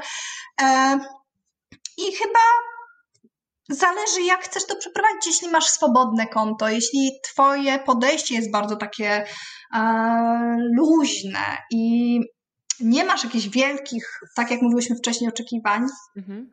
to znaczy nie masz wypisanych, y, wiesz, w Excelu, że muszę mieć to, to, to, to i to, mhm. to takie osoby są dużo, dużo bardziej skore do, do, do takiej współpracy. Oczywiście też y, jeśli widzisz, że ktoś nie widzi wartości w tym, co robisz, to mu tego nie wysyłaj. O tak bym mhm. powiedziała, że musisz widzieć, że ta osoba się gdzieś tym zachwyciła, albo że czuje, że to jest coś, y, coś pięknego po prostu i że, że ona chce to mieć u siebie i chce to pokazać, chce jakby szerzyć wieści. Ja czasem biorę takie współprace y, barterowe, bo to się tak, y, tak nazywa, y, gdzie pokazuję coś w ogóle nie dlatego, że, że coś z tego mam jakby realnie, tylko dlatego, że, że ujęła mnie, nie wiem, historia tej marki, albo osoba, z którą rozmawiałam, mnie ujęła. No różne są, różne są historie, różne jest podejście. Ja po prostu czasem mam tak, że, że chcę komuś pomóc. I generalnie, jeśli mogę pomóc, to, to korzystam z tego. Jeśli mhm. tylko ten ktoś nie jest bardzo roszczeniowy, bo jeśli ma się konkretne, mhm. wypisane punkty w Excelu, no to wtedy trzeba zaproponować też kwotę. Mhm. mhm. To już w ten sposób działa, że tutaj, e, jeśli masz dokładnie wypisane, czego chcesz, to też druga strona będzie chciała konkretów, bo, bo to w ten sposób działa. Jasne. Jasne, no, jasne. jeśli to jest luźna relacja, to super, one są najprzyjemniejsze i do sztuki myślę, że naj, jakieś takie najbardziej mhm. naturalne, intuicyjne, ale, ale w przypadku już jakiegoś takiego bardzo systemowego działania, no to wtedy, to wtedy już ten budżet też musi być po prostu jakiś. Mhm. Mhm. No właśnie, i tak teraz jak Ciebie słuchałam, mhm. to y, zaczęłam się zastanawiać, czy tak naprawdę. Y, nie jest wręcz lepiej próbować y, takich właśnie barterowych współprac mhm. i y, takich na luzie, mhm. jeżeli to ma wyglądać w ten sposób, że y, te osoby, które te prezenty będą dostawać, mhm. będą je, wiesz, tak totalnie też po swojemu i na luzie pokazywać. Mhm. W przeciwieństwie do tego, jeżeli by to była e, wiesz, współpraca z konkretnymi ustalonymi, że tam na przykład pokażesz y, ten obraz gdzieś trzy razy na story, tak, jeden raz w poście tak, i coś tak, tam, tak, coś tam. Tak, tak. Czy to nie byłoby, y, a ja za to zapłacę, ale czy to nie byłoby czy to by dla mnie nie przyniosło gorszych skutków paradoksalnie? Dokładnie tak jest. Ja myślę, że sztuka i, i, i, i rzemiosło i w ogóle cały artyzm ma w sobie dużo, tak, potrzebuje oddechu tak mhm. naprawdę. I jeśli wysyłasz komuś coś i oczekujesz konkretów, bardzo takich um, realnych, to trochę zabijasz możliwość jakby pokazania tej sztuki w stylu tej osoby. Jakby ja w momencie, w którym, w którym e, co innego, kiedy mam jakieś współprace duże i kiedy one są typowo komercyjne. Ja też je jakby staram się robić w swoim stylu, ale kiedy to są współprace właśnie jakieś barterowe, związane z bardzo takimi delikatnymi e, rzeczami, czy, czy z takimi bardzo wrażliwymi osobami, to dla mnie to jest czysta przyjemność, że ja też mogę swoją wrażliwość gdzieś, e, gdzieś pokazać, mówiąc o tym, czy, czy pokazując tą pracę. I i nie chcę się zobowiązywać do tego, że pokażę tą pracę y, w ciągu miesiąca trzy razy, bo ja ją lepszą pracę zrobię, jeśli ja tą pracę pokażę dwa razy, ale w takich momentach, w których naprawdę będę chciała o nich powiedzieć, albo naprawdę będzie mi gdzieś y, w zdjęciach fajnie, fajnie grać. Więc, więc to jest ważne, żeby, żeby wiedzieć, że to działa w dwojaki sposób, albo właśnie na zasadzie bardzo takiej przyjemnej, luźnej relacji, w której jest dużo oddechu dla jednej i dla drugiej strony, albo relacji już typowo biznesowej, w której jakby wyznaczamy sobie określone standardy. Pewnie się domyślasz, która relacja dla mnie jest przyjemniejsza. E, jako dla twórcy. Ta pierwsza, czy, no, która? ta pierwsza, ta pierwsza, no, jeśli mogę, e, nie wolisz, Nie mhm. wolisz zrobić tego samego, e, czy tam nawet powiedzmy zrobić mhm. więcej dla artysty i przy okazji zarobić na tym? Wiesz co, to zależy, tak jak mówię, jakby dla mnie... Um, ja jestem przewrotnym człowiekiem, takim misyjnym człowiekiem, więc jakby kiedy widzę, Bo że ktoś zaczyna... Ola wychodzi na to w tej rozmowie, no, że bardziej się opłaca nie płacić influencerom. Nie, nie, absolutnie, nie, Boże broń, nie, nie o to chodzi. Chodzi o to, że um, jak to powiedzieć? Może zależy od tego, kim się jest po prostu, w sensie jaką e, marką się jest. I... Zależy od tego, którą drogą idziesz i jaki hmm. sposób działania obierasz, czy masz konto bardzo skomercjalizowane, czy też nie, bo są konta, na których, yy, na których nie będziesz w stanie pokazać swojej sztuki, bo te konta po prostu nie działają za barter i to też jest okej. Okay. Mhm. To, po prostu niektórzy traktują jako pracę i się nie dogadacie. Ja też nie mówię, że e, nie jest fajnie zarabiać, bo to nie o to chodzi i nie mówię też o tym, żeby e, być zasypanym przez e, współpracę barterową. Absolutnie nie, bo wręcz powiedziałabym, że od tego się na Instagramie odchodzi. Ja mhm. mówię tylko o tym bardzo wąskim mhm. wycinku związanym z promowaniem sztuki, wręcz promowaniem sztuki polskiej, która, która no myślę, że jakby nasz kraj ma bardzo duże braki, jeśli chodzi o edukację artystyczną w ogóle jeśli chodzi o tą wrażliwość na sztukę, więc tylko w tym, w tym wąskim aspekcie, tak? Natomiast jeśli, e, jeśli robisz e, rzeczy bardziej systemowo i działasz już e, i wiesz, że chcesz działać e, w sposób bardzo zorganizowany i bardzo mm, taki duży, i szeroki, to wtedy musisz mieć już przemyślaną strategię i wtedy to muszą być konkretne osoby i konkretne kwoty, bo czasem lepiej jest wysłać jedną pracę do osoby większej, która rzeczywiście mm, będzie miała określone wytyczne i normalnie nie za barter, tylko za pieniądze zrobi ci porządną sesję zdjęciową, pokaże te produkty dokładnie tak, jak ty chcesz, a, a czasem lepiej jest wysłać po prostu, zależy jaką masz skalę, czasem jest lepiej wysłać po prostu kilka rzeczy do kilku osób, które jeśli będą chciały, to powiedzą, jeśli będą chciały, to przyjmą. To, to bardziej o to mi chodzi. Natomiast absolutnie jakby e, proponowanie e, pieniędzy, bo jakby mówimy tu otwarcie, jest, e, jest czymś absolutnie w porządku i to, to, to, to nie jest to, że że ja tutaj no jestem ja przeciwna. Ja też tak do mhm. tego podchodzę, że jest to jak najbardziej w porządku i jestem tak. na to też gotowa. Tak. E, I chcę w tym roku e, właśnie um, współpracować z influencerkami i jakby mhm. chcę, żeby to była jedna ze strategii mhm. rozwoju dla mnie i promowania mojej sztuki i szukam mhm. właśnie, wiesz, zastanawiam, zaczynam się zastanawiać nad tym, jak konkretnie to zorganizować i jak to ma wyglądać i stąd te moje dociekliwe mhm. pytania. Mhm. mhm. Zastanawiam się jeszcze, mm, co ci tutaj doradzić. Bo, bo... wiem, że jest tak mhm. właśnie. Y, no właśnie, no właśnie, no kurde, sama się zastanawiam. ja tak, lubię też.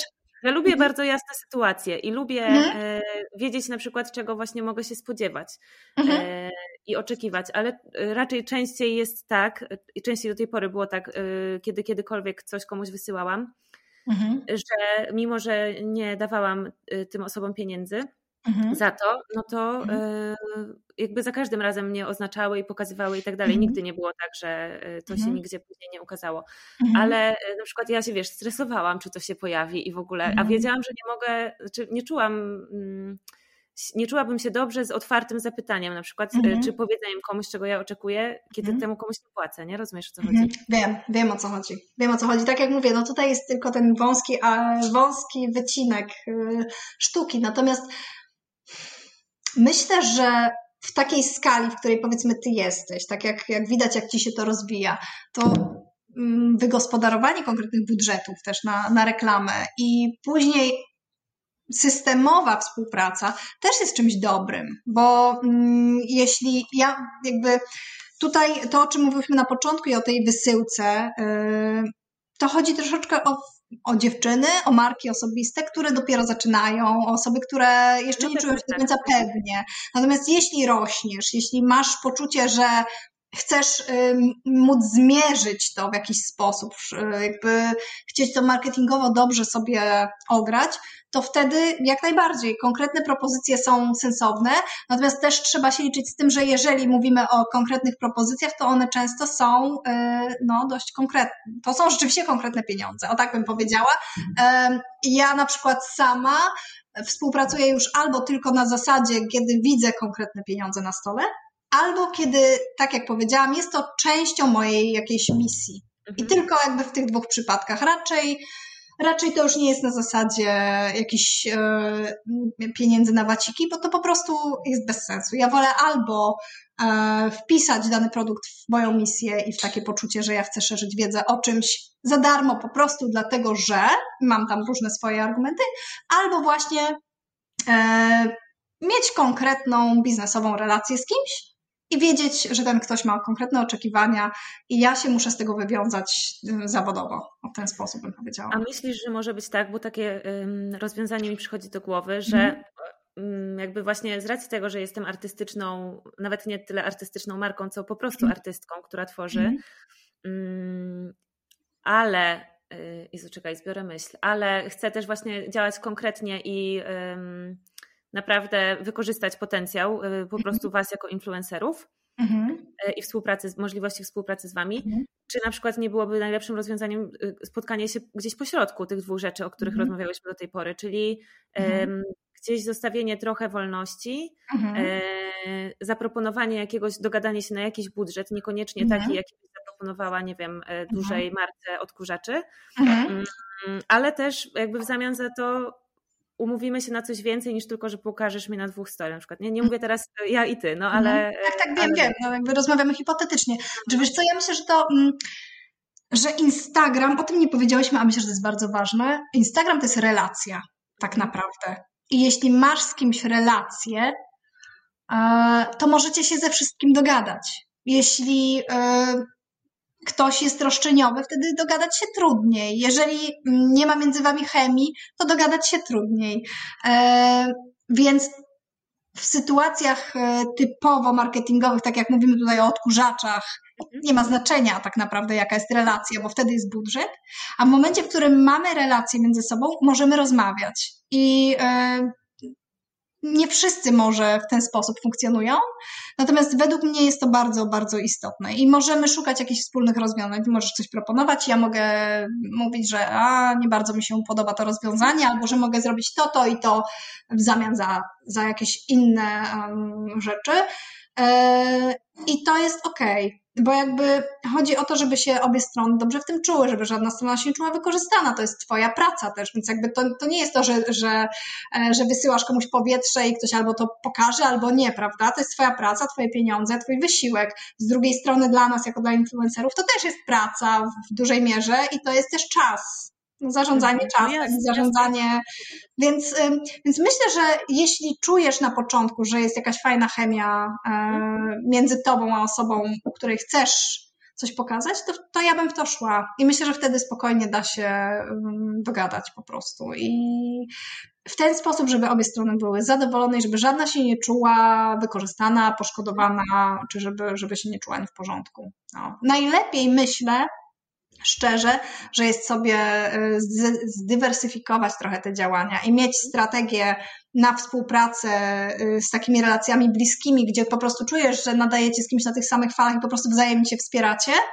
Mm, I mieć też taką strategię już na współpracę bardziej y, komercyjne. Nie chodzi mi o to, żeby działać dwutorowo i mieć podwójne standardy, mhm. tylko po prostu z niektórymi się przyjaźnimy i jest nam jakoś przyjemnie nawiązywać relacje i współpracować, a z niektórymi jednak wchodzimy w relację bardzo biznesową i wtedy wszystko jest, e, jest czytelne. Raczej pewnie ten drugi aspekt przeważa i generalnie jestem za tym, żeby przeważał, ale jeśli chodzi o sztukę, bo jakby to jest ważne, my mówimy o sztuce, my nie mówimy o kosmetykach, ciuchach, odkurzaczach i tak dalej, mówimy o sztuce, czyli o czymś bardzo mm, delikatnym i takim związanym też z emocjami, e, to wtedy warto jest też próbować po prostu działać e, barterowo. O tak bym, tak bym, tak bym to rozróżniła.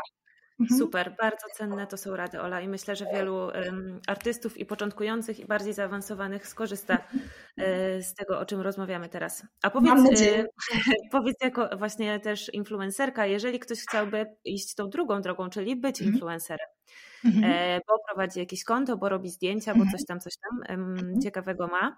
Um, jak e, jak zabiegać na przykład o współpracę, jak to zrobić, żeby, żeby zacząć zarabiać jako influencer?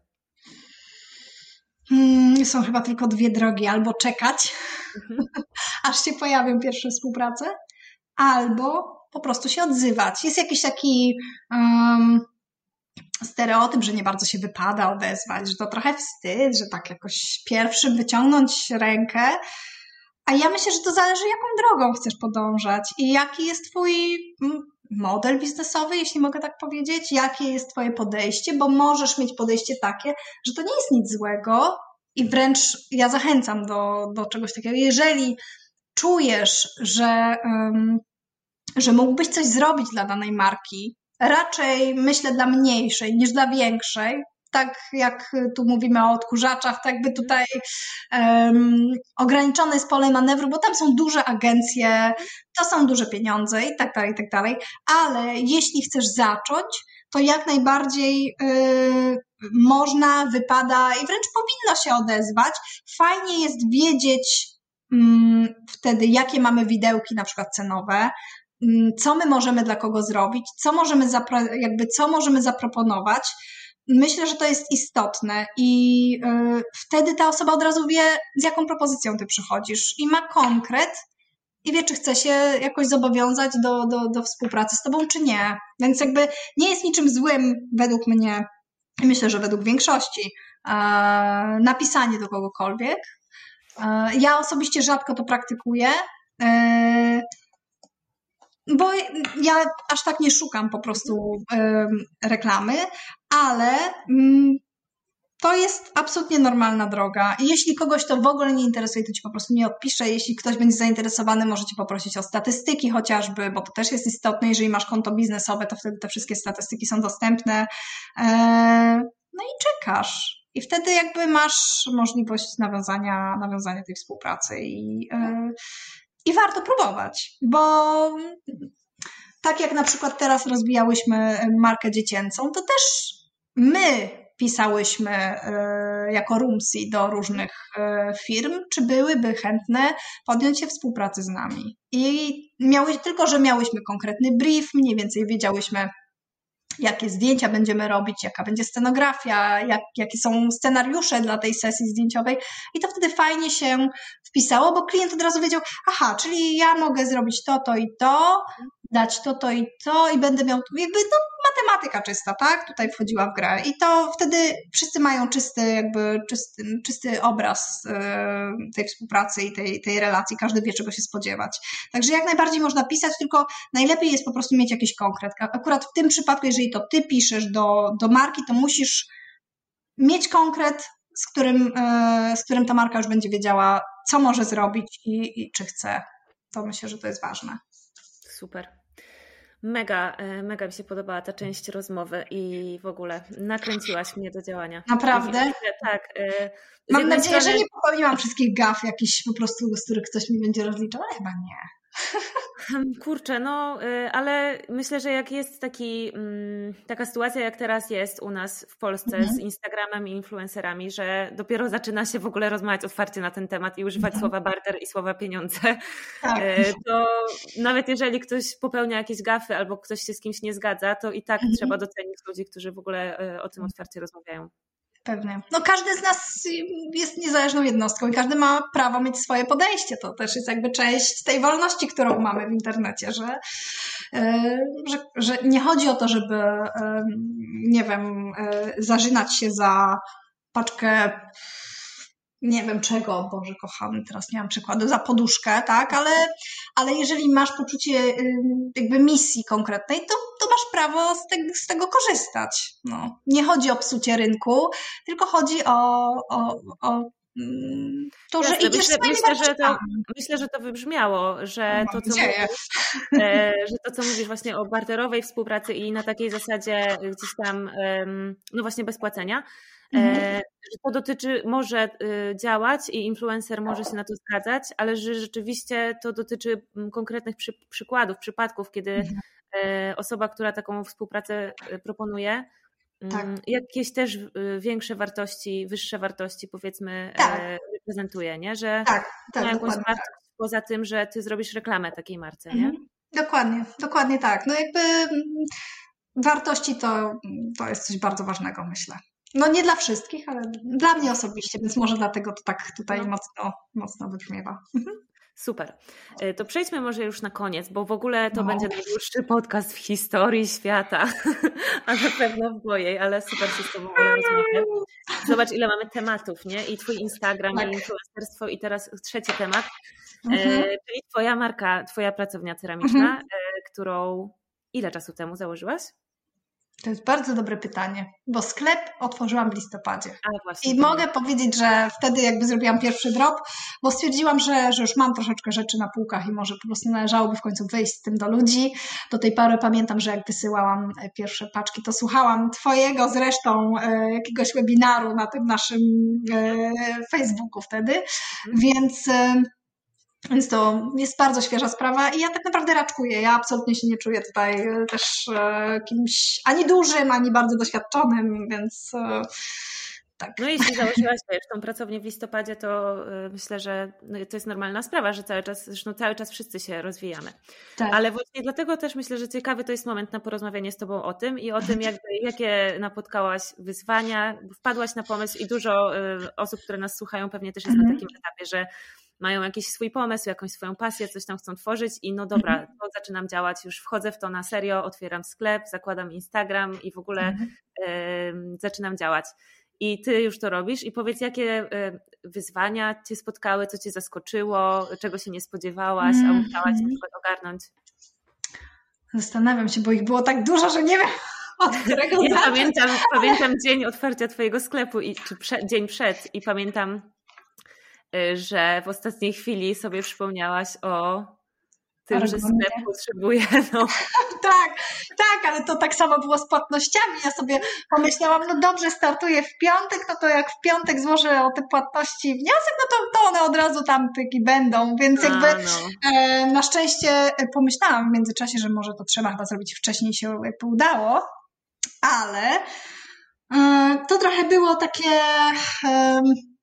Ja czasem tak mam, że bardzo długo drobię w miejscu, a potem czuję, że muszę już wyjść, bo jak się nie odważę teraz wyjść z tej jaskini, to po prostu nie przyjdzie ten moment, że wiesz, że, że będę dalej siedzieć i się zastanawiać, jakby to było, żeby przekroczyć tą magiczną granicę. I pamiętam, że w listopadzie stwierdziłam, że no, to jest ten moment, że jakby wystarczy już takiego e, babrania się w miejscu i, i, i trzeba wyjść z tym do ludzi. Chociaż też miałam takie poczucie, że po prostu um, sprzedaż w internecie ułatwi mi inaczej, że otwarcie tego sklepu chociażby internetowego ułatwi mi komunikację z ludźmi, e, sprzedaż tych produktów, że to będzie bardziej usystematyzowane, skonkretyzowane. Ja jestem osobą, która robi tak dużo rzeczy, że jakbym jeszcze miała, nie wiem, robić wyprzedaże na Instagramie, tak jak to czasem się odbywa, to bym się po prostu zakopała, pogubiła przy trzeciej osobie. To w ogóle by jakby nie było do zrobienia, więc więc jeśli chodzi o wyzwania, to po pierwsze, myślę, że y, to, że ja robię absolutnie wszystko sama i mm, czasem nie starcza mi doby po prostu już, biorąc pod uwagę, że ja jestem też takim.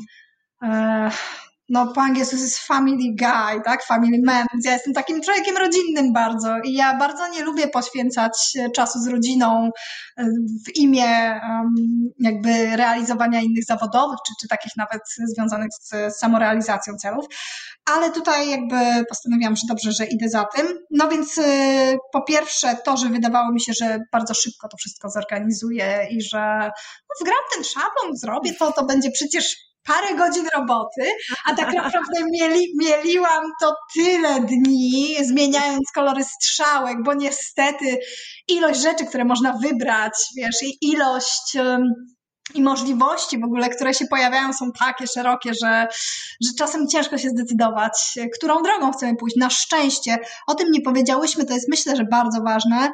To, że ja działam na Instagramie przez wiele lat, pozwoliło mi wiedzieć, jaka jest moja estetyka. I teraz, kiedy, kiedy tworzę yy, ceramikę, wiem, którą drogą chcę podążać. I było mi łatwiej zdecydować co do kolorów, co do mniej więcej logo. Ja to logo robiłam sama w kanwie.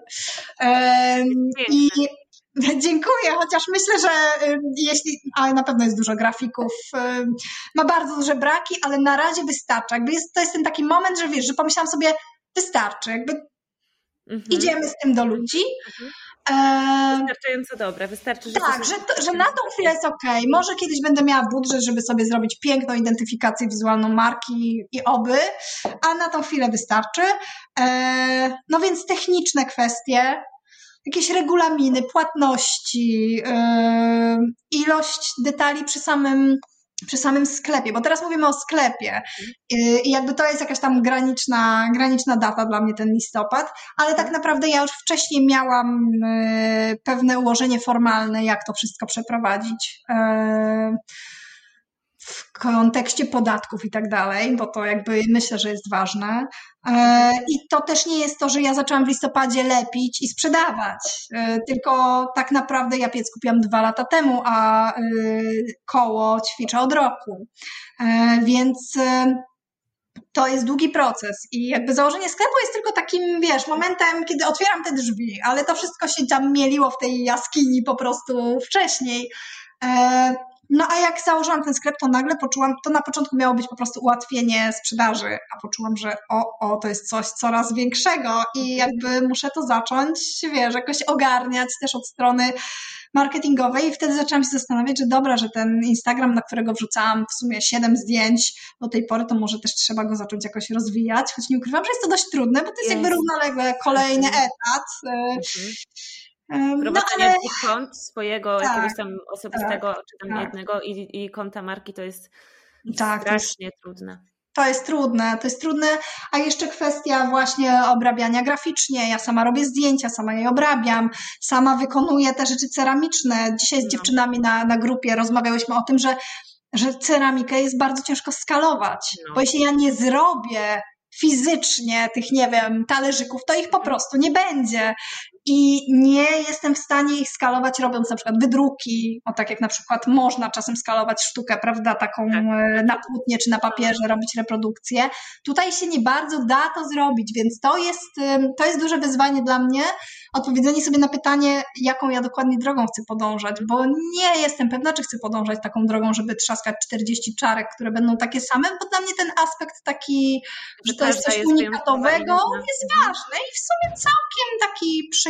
No zobaczymy, gdzie mnie to doprowadzi oczywiście, bo to jest, tak jak mówię, to jest dopiero początek i, yy, i dużo jeszcze przede mną. No, no z tego co widzę na in, innych kontach ceramicznych, nie twoich, to te, które rzeczywiście nabrały jakiejś skali, to działają na takiej zasadzie, nie? że tak. E, je, mają powiedzmy pięć wzorów kubków i po prostu trzaskają na przykład 200 tych kubków w tym jednym tak. wzorze, nie? Tak, tak, dokładnie tak. No to jakby pozwala też być w miarę przewidywalnym i, i mhm. jakby E, odpowiadać na oczekiwania klientów. Ja też mam taką ofertę chociażby jakichś paletek dla artystów, które gdzieś staram się powoli robić, ale to też jest czasochłonne. I jeśli chodzi o, to jest dobry przykład, jeśli chodzi o przeciw, przeciwności losu, mm, wymyśliłam sobie pierwszy preorder, to było w, chyba koniec listopada, początek grudnia, bo było bardzo dużo zapytań o paletki. To jest bardzo, myślę, wdzięczna rzecz. Y, ja sama kiedyś malowałam, kiedyś i akwarele, i akryle, więc jakby mniej więcej wiem, z czym to się je, choć absolutnie to, to nie było jakoś bardzo wyszukane. E, I wiedziałam, czego mi brakuje. E, I jakby to też nie jest to, że ja wymyśliłam paletki ceramiczne, bo jakby to istnieje już od wielu, wielu ale lat. Tak granicą, ale w Polsce nie istnieje. Natomiast ja nie jestem osobą, która przypis, która ma problem z tym, że ktoś robi to za granicą, a w Polsce robi to ktoś inny i on to zaczął robić pierwszy. No każdy bywa gdzieś pierwszy, ale to jeszcze nic nie, nie znaczy. Pomysł jakby to nie, to w tym momencie um, trudno powiedzieć, kto tutaj odtwarza kogo. Więc yy, pomyślałam, że odpowiem na potrzeby odbiorców w ten sposób, że zrobię taki preorder, gdzie oni będą mogli zamówić konkretny zestaw, konkretne paletki i one będą jakby będzie ich tam powiedzmy 20 w tym preorderze, więc to nie, że, że to taka będzie skala, którą ja wiem, że jestem w stanie do świąt ogarnąć. No i wszystko było pięknie i ładnie do momentu, w którym e, nie zepsuł mi się piec, to był totalny po prostu kryzys, bo mój piec jest duży i wchodzi tam, weszło, weszłoby tam całe takie zamówienie, a mhm. dzięki Bogu pożyczyłam piec od koleżanki, e, który ma, mój piec ma 100 litrów, dla porównania tamten miał chyba 15 albo 16, więc mhm. jakby ciężko, to, to, to bardziej wygląda jak taka duża frytkownica. Mhm. E, I można tam wypalić dwie paletki naraz, czyli jeśli było powiedzmy 20 zamówień, e, dwie paletki naraz, piec chodzi 7 godzin czy 6 godzin, potem stygnie kolejne tyle, to możesz sobie wyobrazić, jak wyglądał mój, e, jak wyglądały doby przed tym, zanim to było gotowe. Pieca mojego się nie dało naprawić od razu, więc jakby to był bardzo stresujący moment. Oczywiście, jak bywa w takich sytuacjach, część paletek mi popękała w piecu, co mi się wcześniej nie zdarzyło, więc jakby były, e, była obsuwa, to było strasznie stresujące. Glina to jest taki materiał, który nie lubi pośpiechu, po prostu nie lubi. W momencie, w którym zaczynasz się spieszyć, coś e, się zawsze wydarzy. E, I tak też było tutaj. Na szczęście jakby odbiór był zawsze bardzo taki wyrozumiały i pozytywny i udało nam się gdzieś chyba wszędzie zażegnać jakieś różne kryzysy, ale to był skok na głęboką wodę i jakby utwierdziło mnie to trochę w przekonaniu, że na razie nie robię preorderów, na razie nie działam na zamówienie, mimo że mam dużo zapytań, to stres związany z tym, że robię coś na zamówienie konkretne kogoś, a jeszcze w glinie niewiele osób o tym pamięta, to nie jest tak, że zamawiasz coś i to jest gotowe następnego czy za 2-3 dni, dlatego że glina musi wyschnąć powiedzmy tydzień, dwa tygodnie w zależności od, y, od tego, jaka jest pogoda, potem to trzeba wypalić, poszkliwić, to jest kolejne, to jest proces, który powiedzmy zajmuje od dwóch do trzech tygodni, zależy od zamówienia po, po wykonanie, więc to jest bardzo czasochłonne i stresujące. Także um, działam sobie wolno, bardzo, mam jakąś wizję na to, bo ja nie chcę, żeby to było tylko lepienie i sprzedaż e, czarek i miseczek. Raczej bym chciała iść w stronę, w stronę warsztatów w tym moim wolnym miejscu, bo to jest bardzo pojemne i słowo, i jakby idea, w której myślę, że, że wiele jeszcze mogę zawrzeć. E, Mam dużo planów takich e, właśnie warsztatowych, ale, ale nie, nie totalnie pragmatycznych, tylko takich właśnie też często związanych z czuciem materiału, z, z podążaniem za materiałem, z doświadczeniem jakiejś przestrzeni też, także zobaczymy, jak to się będzie rozwijać. Podchodzę do tego wolno i na spokojnie, natomiast y, staje się to bardzo ważnym, bardzo ważnym elementem mojego życia i, i lubię to. Czuję, że to, że to jest to, co chcę tak naprawdę robić. Dlatego, tak jak rozmawialiśmy wcześniej o samym Instagramie, ja lubię o tym rozmawiać, ale mm, to już mnie teraz już kręci, jednak to, to jest droga, natomiast ja już mam tam następny, wiesz, przystanek dalej i, i, i jakby idę tam, jakby koszę tą łąkę, bo rzuciłam ten kamień tam daleko i idę dalej po prostu, żeby, żeby, żeby dojść, więc to Super. jest to, czym się chcę zajmować. Pięknie o tym opowiadasz, o, o, tej glinie. E, widać, że jest to twoja pasja i że e, od razu ci się oczy świecą w ogóle. No, tak. A tak jakie jest twoje największe marzenie, jeśli chodzi właśnie o, o wolno i o ceramikę? Wiesz co, yy, mam średnio duże i bardzo duże. Bo średnio duże na tą chwilę jest takie, że chciałabym, ono jest duże w sumie, ale Mam już następne. Y, chciałabym postawić szklarnię w moim ogrodzie w Milanówku. Y, mamy taką część leśną, bardzo piękną, taką duńską i tam chciałabym robić warsztaty. Ale nie chciałabym, żeby to były takie tylko warsztaty, gdzie ktoś przychodzi i lepi sobie miskę i to jest jakby wchodzi, wychodzi do widzenia, tylko bardziej, żeby ta idea związana z wolno, bo wolno to tak naprawdę są Dwa, można rozumieć na dwa sposoby. Z jednej strony wolno że powoli, ale z drugiej strony, że wolno próbować nowych rzeczy. Mi o to chodzi. To jest też część mnie. Ja jestem osobą, która e, najpierw myśli o tym, że, że, że mogłaby czegoś spróbować i trochę tak nie robię sobie różnych ograniczeń typu nie możesz, bo nie masz wykształcenia, albo nie możesz, bo co ludzie powiedzą, jakby daję sobie tą przestrzeń na to, żeby próbować i chciałabym, żeby ludzie też czuli, że mogą próbować nowych rzeczy, że, że to nie jest nic złego, że wolno nam po prostu spróbować czegoś, czym nie mieliśmy wcześniej doświadczenia, czy nie mieliśmy wcześniej do czynienia, tak? I tak samo jest, jest tutaj, więc jakby chciałabym, żeby te warsztaty były rzeczywiście wolne, w każdym rozumieniu tego słowa, żeby tam się pojawiały może jakieś elementy ajurwedy, żeby tam było trochę uziemiania, żeby to było takie spowolnione, żeby żeby kontakt z materiałem był taki prawdziwy i autentyczny, żeby można było go doświadczać i dać sobie czas na doświadczanie. Zobaczymy, jak to wyjdzie. A duże, duże marzenie jest takie, że e, ostatnio e, rodzina, powiedzmy, bo to jest bardziej złożone, ale rodzina nasza kupiła e, taką działkę pod blisko Kazimierza Dolnego. To jest działka rolnicza, dawna. E, tam jest piękny las, jest stary dom i jest taka stodoła, ale taka stodoła. I tak mi się marzy, żeby w tej stodole robić kiedyś jakieś też warsztaty takie bardziej wyjazdowe, mhm. też trochę slow life'owe. Mm, I żeby się też tam zająć może alternatywnymi metodami wypału, bo jakby ja mam piec elektryczny, a są takie metody typu raku, wypał ziemny, piece węgierskie, tylko to strasznie kopci, więc jakbym to zrobiła tutaj sąsiadom, to myślę, że nie byliby zachwyceni, e, a tam jest na to przestrzeń. Także no zobaczymy, to jest takie duże, duże marzenie. Mhm. A co będzie, to, to zobaczymy. Jakby ja daję sobie już przestrzeń na to, żeby to się toczyło, wiesz, jakąś taką swoim rytmem po prostu. Jest, jest we mnie zgoda na to. Ja bym że... wolała, żebyś szybko te marzenia oba zrealizowała, bo ja bym bardzo chciała na takie warsztaty przyjść. No, ja myślę, że nawet jeżeli, znaczy nawet jeżeli nie będzie tej szklarni, czyli tego średnio dużego marzenia, to przestrzeń w wolnym miejscu, która jest teraz, czyli w tej pracowni suchej, jak ja to nazywam, gdzie jest piec, też pozwala mi tak naprawdę prowadzić takie spotkania już na, no myślę, że tak na 8 osób, więc to jest całkiem, całkiem okej. Okay. Dęby szumią tam tak samo, jak będą szumiały w szklarni. Także może nie ma jeszcze takiej infrastruktury, jak mi się marzy, ale mhm. to jest metoda. Nie trzeba czekać na, to, na ten dokładnie, ideał, który mamy w głowie. Dokładnie, nie? dokładnie. zacząć gdzie się jest. Ale z tą dokładnie. stodołą to rozbudziłaś moją wyobraźnię bardzo. No, to jest, to jest coś, co się pojawiło i zobaczymy, gdzie to tam doprowadzi. Bo... A to w ogóle miałam też taką refleksję, jak Cię słuchałam mm. o tym marzeniu, że. Y, mm my często, e, artyści, ale też w ogóle ludzie, którzy e, coś tam chcą działać, robić jakieś swoje rzeczy i sprzedawać to, mhm. Mm, zarabiać na tym po prostu, no wiadomo. Mhm. E, się tak boimy, że o Jezu, to jest takie moje marzenie, kto to będzie chciał w ogóle, mhm.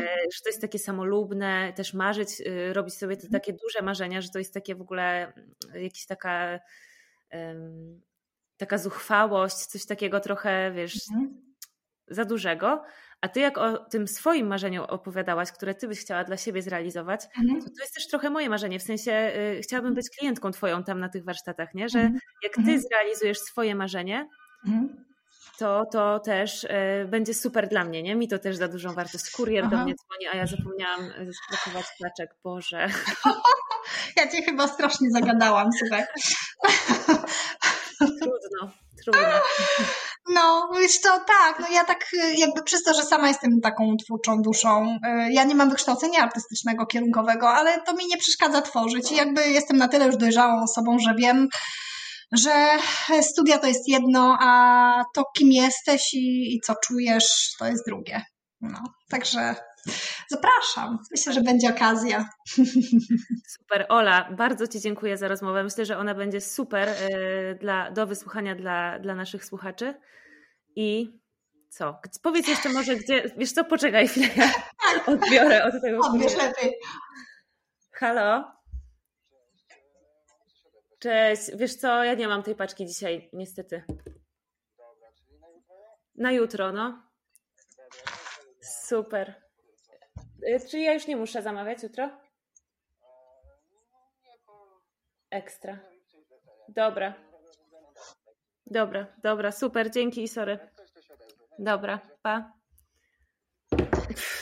Możesz powiedzieć, że gadasz taką beznadziejną, że gadasz taką beznadziejną gadułą, że po prostu... Ja miałam w ogóle. Nie, nie, no, to już po prostu trochę mi się zaczyna wszystko spod kontroli wymykać. Ja wiem, robisz tak duże rzeczy, że ja cię podziwiam, naprawdę. Jakby ilość interakcji twojej e, relacji z ludźmi, myślę, że jest po prostu dla mnie to Ale zaczynam właśnie, tak jak na przykład teraz, y, zaczynam mieć takie momenty, że to się wymyka spod kontroli, tak jak teraz y, mhm. mam zamówienie do spakowania, plakaty dwa do wysłania Mhm. Y, miałam to, mogłam to zrobić już wczoraj, przełożyłam to na dzisiaj y, i kurier przyjechał wcześniej niż zazwyczaj, a ja tych plakatów nie spakowałam przed naszą rozmową, bo przyjechałam za późno do mhm. pracowni i teraz już wiesz, i po mhm. prostu to są takie naczynia połączone często. Wiem, jedno ciągnie drugie, wiem o tym. No ale też jakby myślę, że pewną mądrością jest dawanie sobie przestrzeni na, na takie, na takie wydarzenia. Ja tak, ale wiesz, klientka taka. Wiem, Wiem, wiem. No właśnie, pakowanie to jest błąd. No, jest, jest, jest. Jest. No. Dobra, Ola. No. Bardzo dziękuję. Powiedz właśnie jeszcze yy, słuchaczom naszym, gdzie mogą Cię znaleźć. Gdzie mogą mnie znaleźć? Mogą mnie znaleźć w internecie na olanadolny.pl, mogą mnie znaleźć w internecie na wolnoshop.com, tam jest moja ceramika. Mogą mnie znaleźć na Instagramie jako Ola Nadolna albo Miss Bajka. Miss Bajka to jest jeszcze dawna, dawna nazwa, ale ciągle działa. Albo Wolno Ceramika. A jeszcze jak chcą zaprojektować pokój dziecięcy, to jestem jako Roomsy for Kids. Także jest mnie wszędzie dużo. Widzisz, nie no. wiem powinnam mieć po prostu jakieś dodatkowe ręce jeszcze, żeby to wszystko ogarniać, ale daję radę. Przyjdzie taki czas na pewno. Oby. Super, dzięki. Dzięki Kasiu w takim razie. Mam nadzieję, że to wszystko potniesz i będzie się nadawało do, do użytku jakiegoś. No, nie, właśnie chyba, chyba, nie będę chciała. Ewentualnie tą swoją rozmowę z kurierem wytnę. Nie no, dlaczego?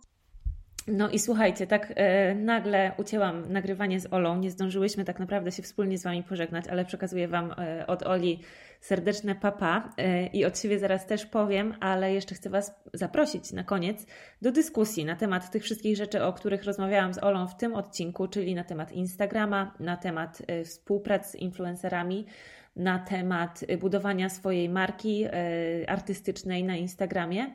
W naszej grupie na Facebooku, w grupie artystki. To jest darmowa grupa, ale żeby się na nią dostać, trzeba się zapisać na listę artysty i potwierdzić swoją subskrypcję. Wtedy dopiero jak potwierdzicie swoją subskrypcję na tą listę artysty, to przyjdzie do Was zaproszenie do grupy i hasło, e, które trzeba podać, żeby się do tej grupy dostać.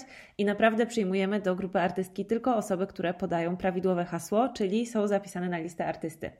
E, I na grupie artystki od teraz, co poniedziałek, będzie się ukazywał post, którym będę rozpoczynała dyskusję na ten temat, który właśnie poruszałam w aktualnym odcinku podcastu, czyli w tym tygodniu na artystkach będziemy sobie w dalszym ciągu gadać o tym, o czym dzisiaj z Olą gadałam. I jeżeli macie jakieś dodatkowe pytania, to je tam zadawajcie, a ja w miarę możliwości moich e, które są trochę ograniczone, jak słyszeliście na koniec, e, różnymi innymi moimi obowiązkami, ale w miarę możliwości będę starała się odpowiadać na Wasze pytania tam na artystkach i gadać z Wami i tak dalej, i tak dalej.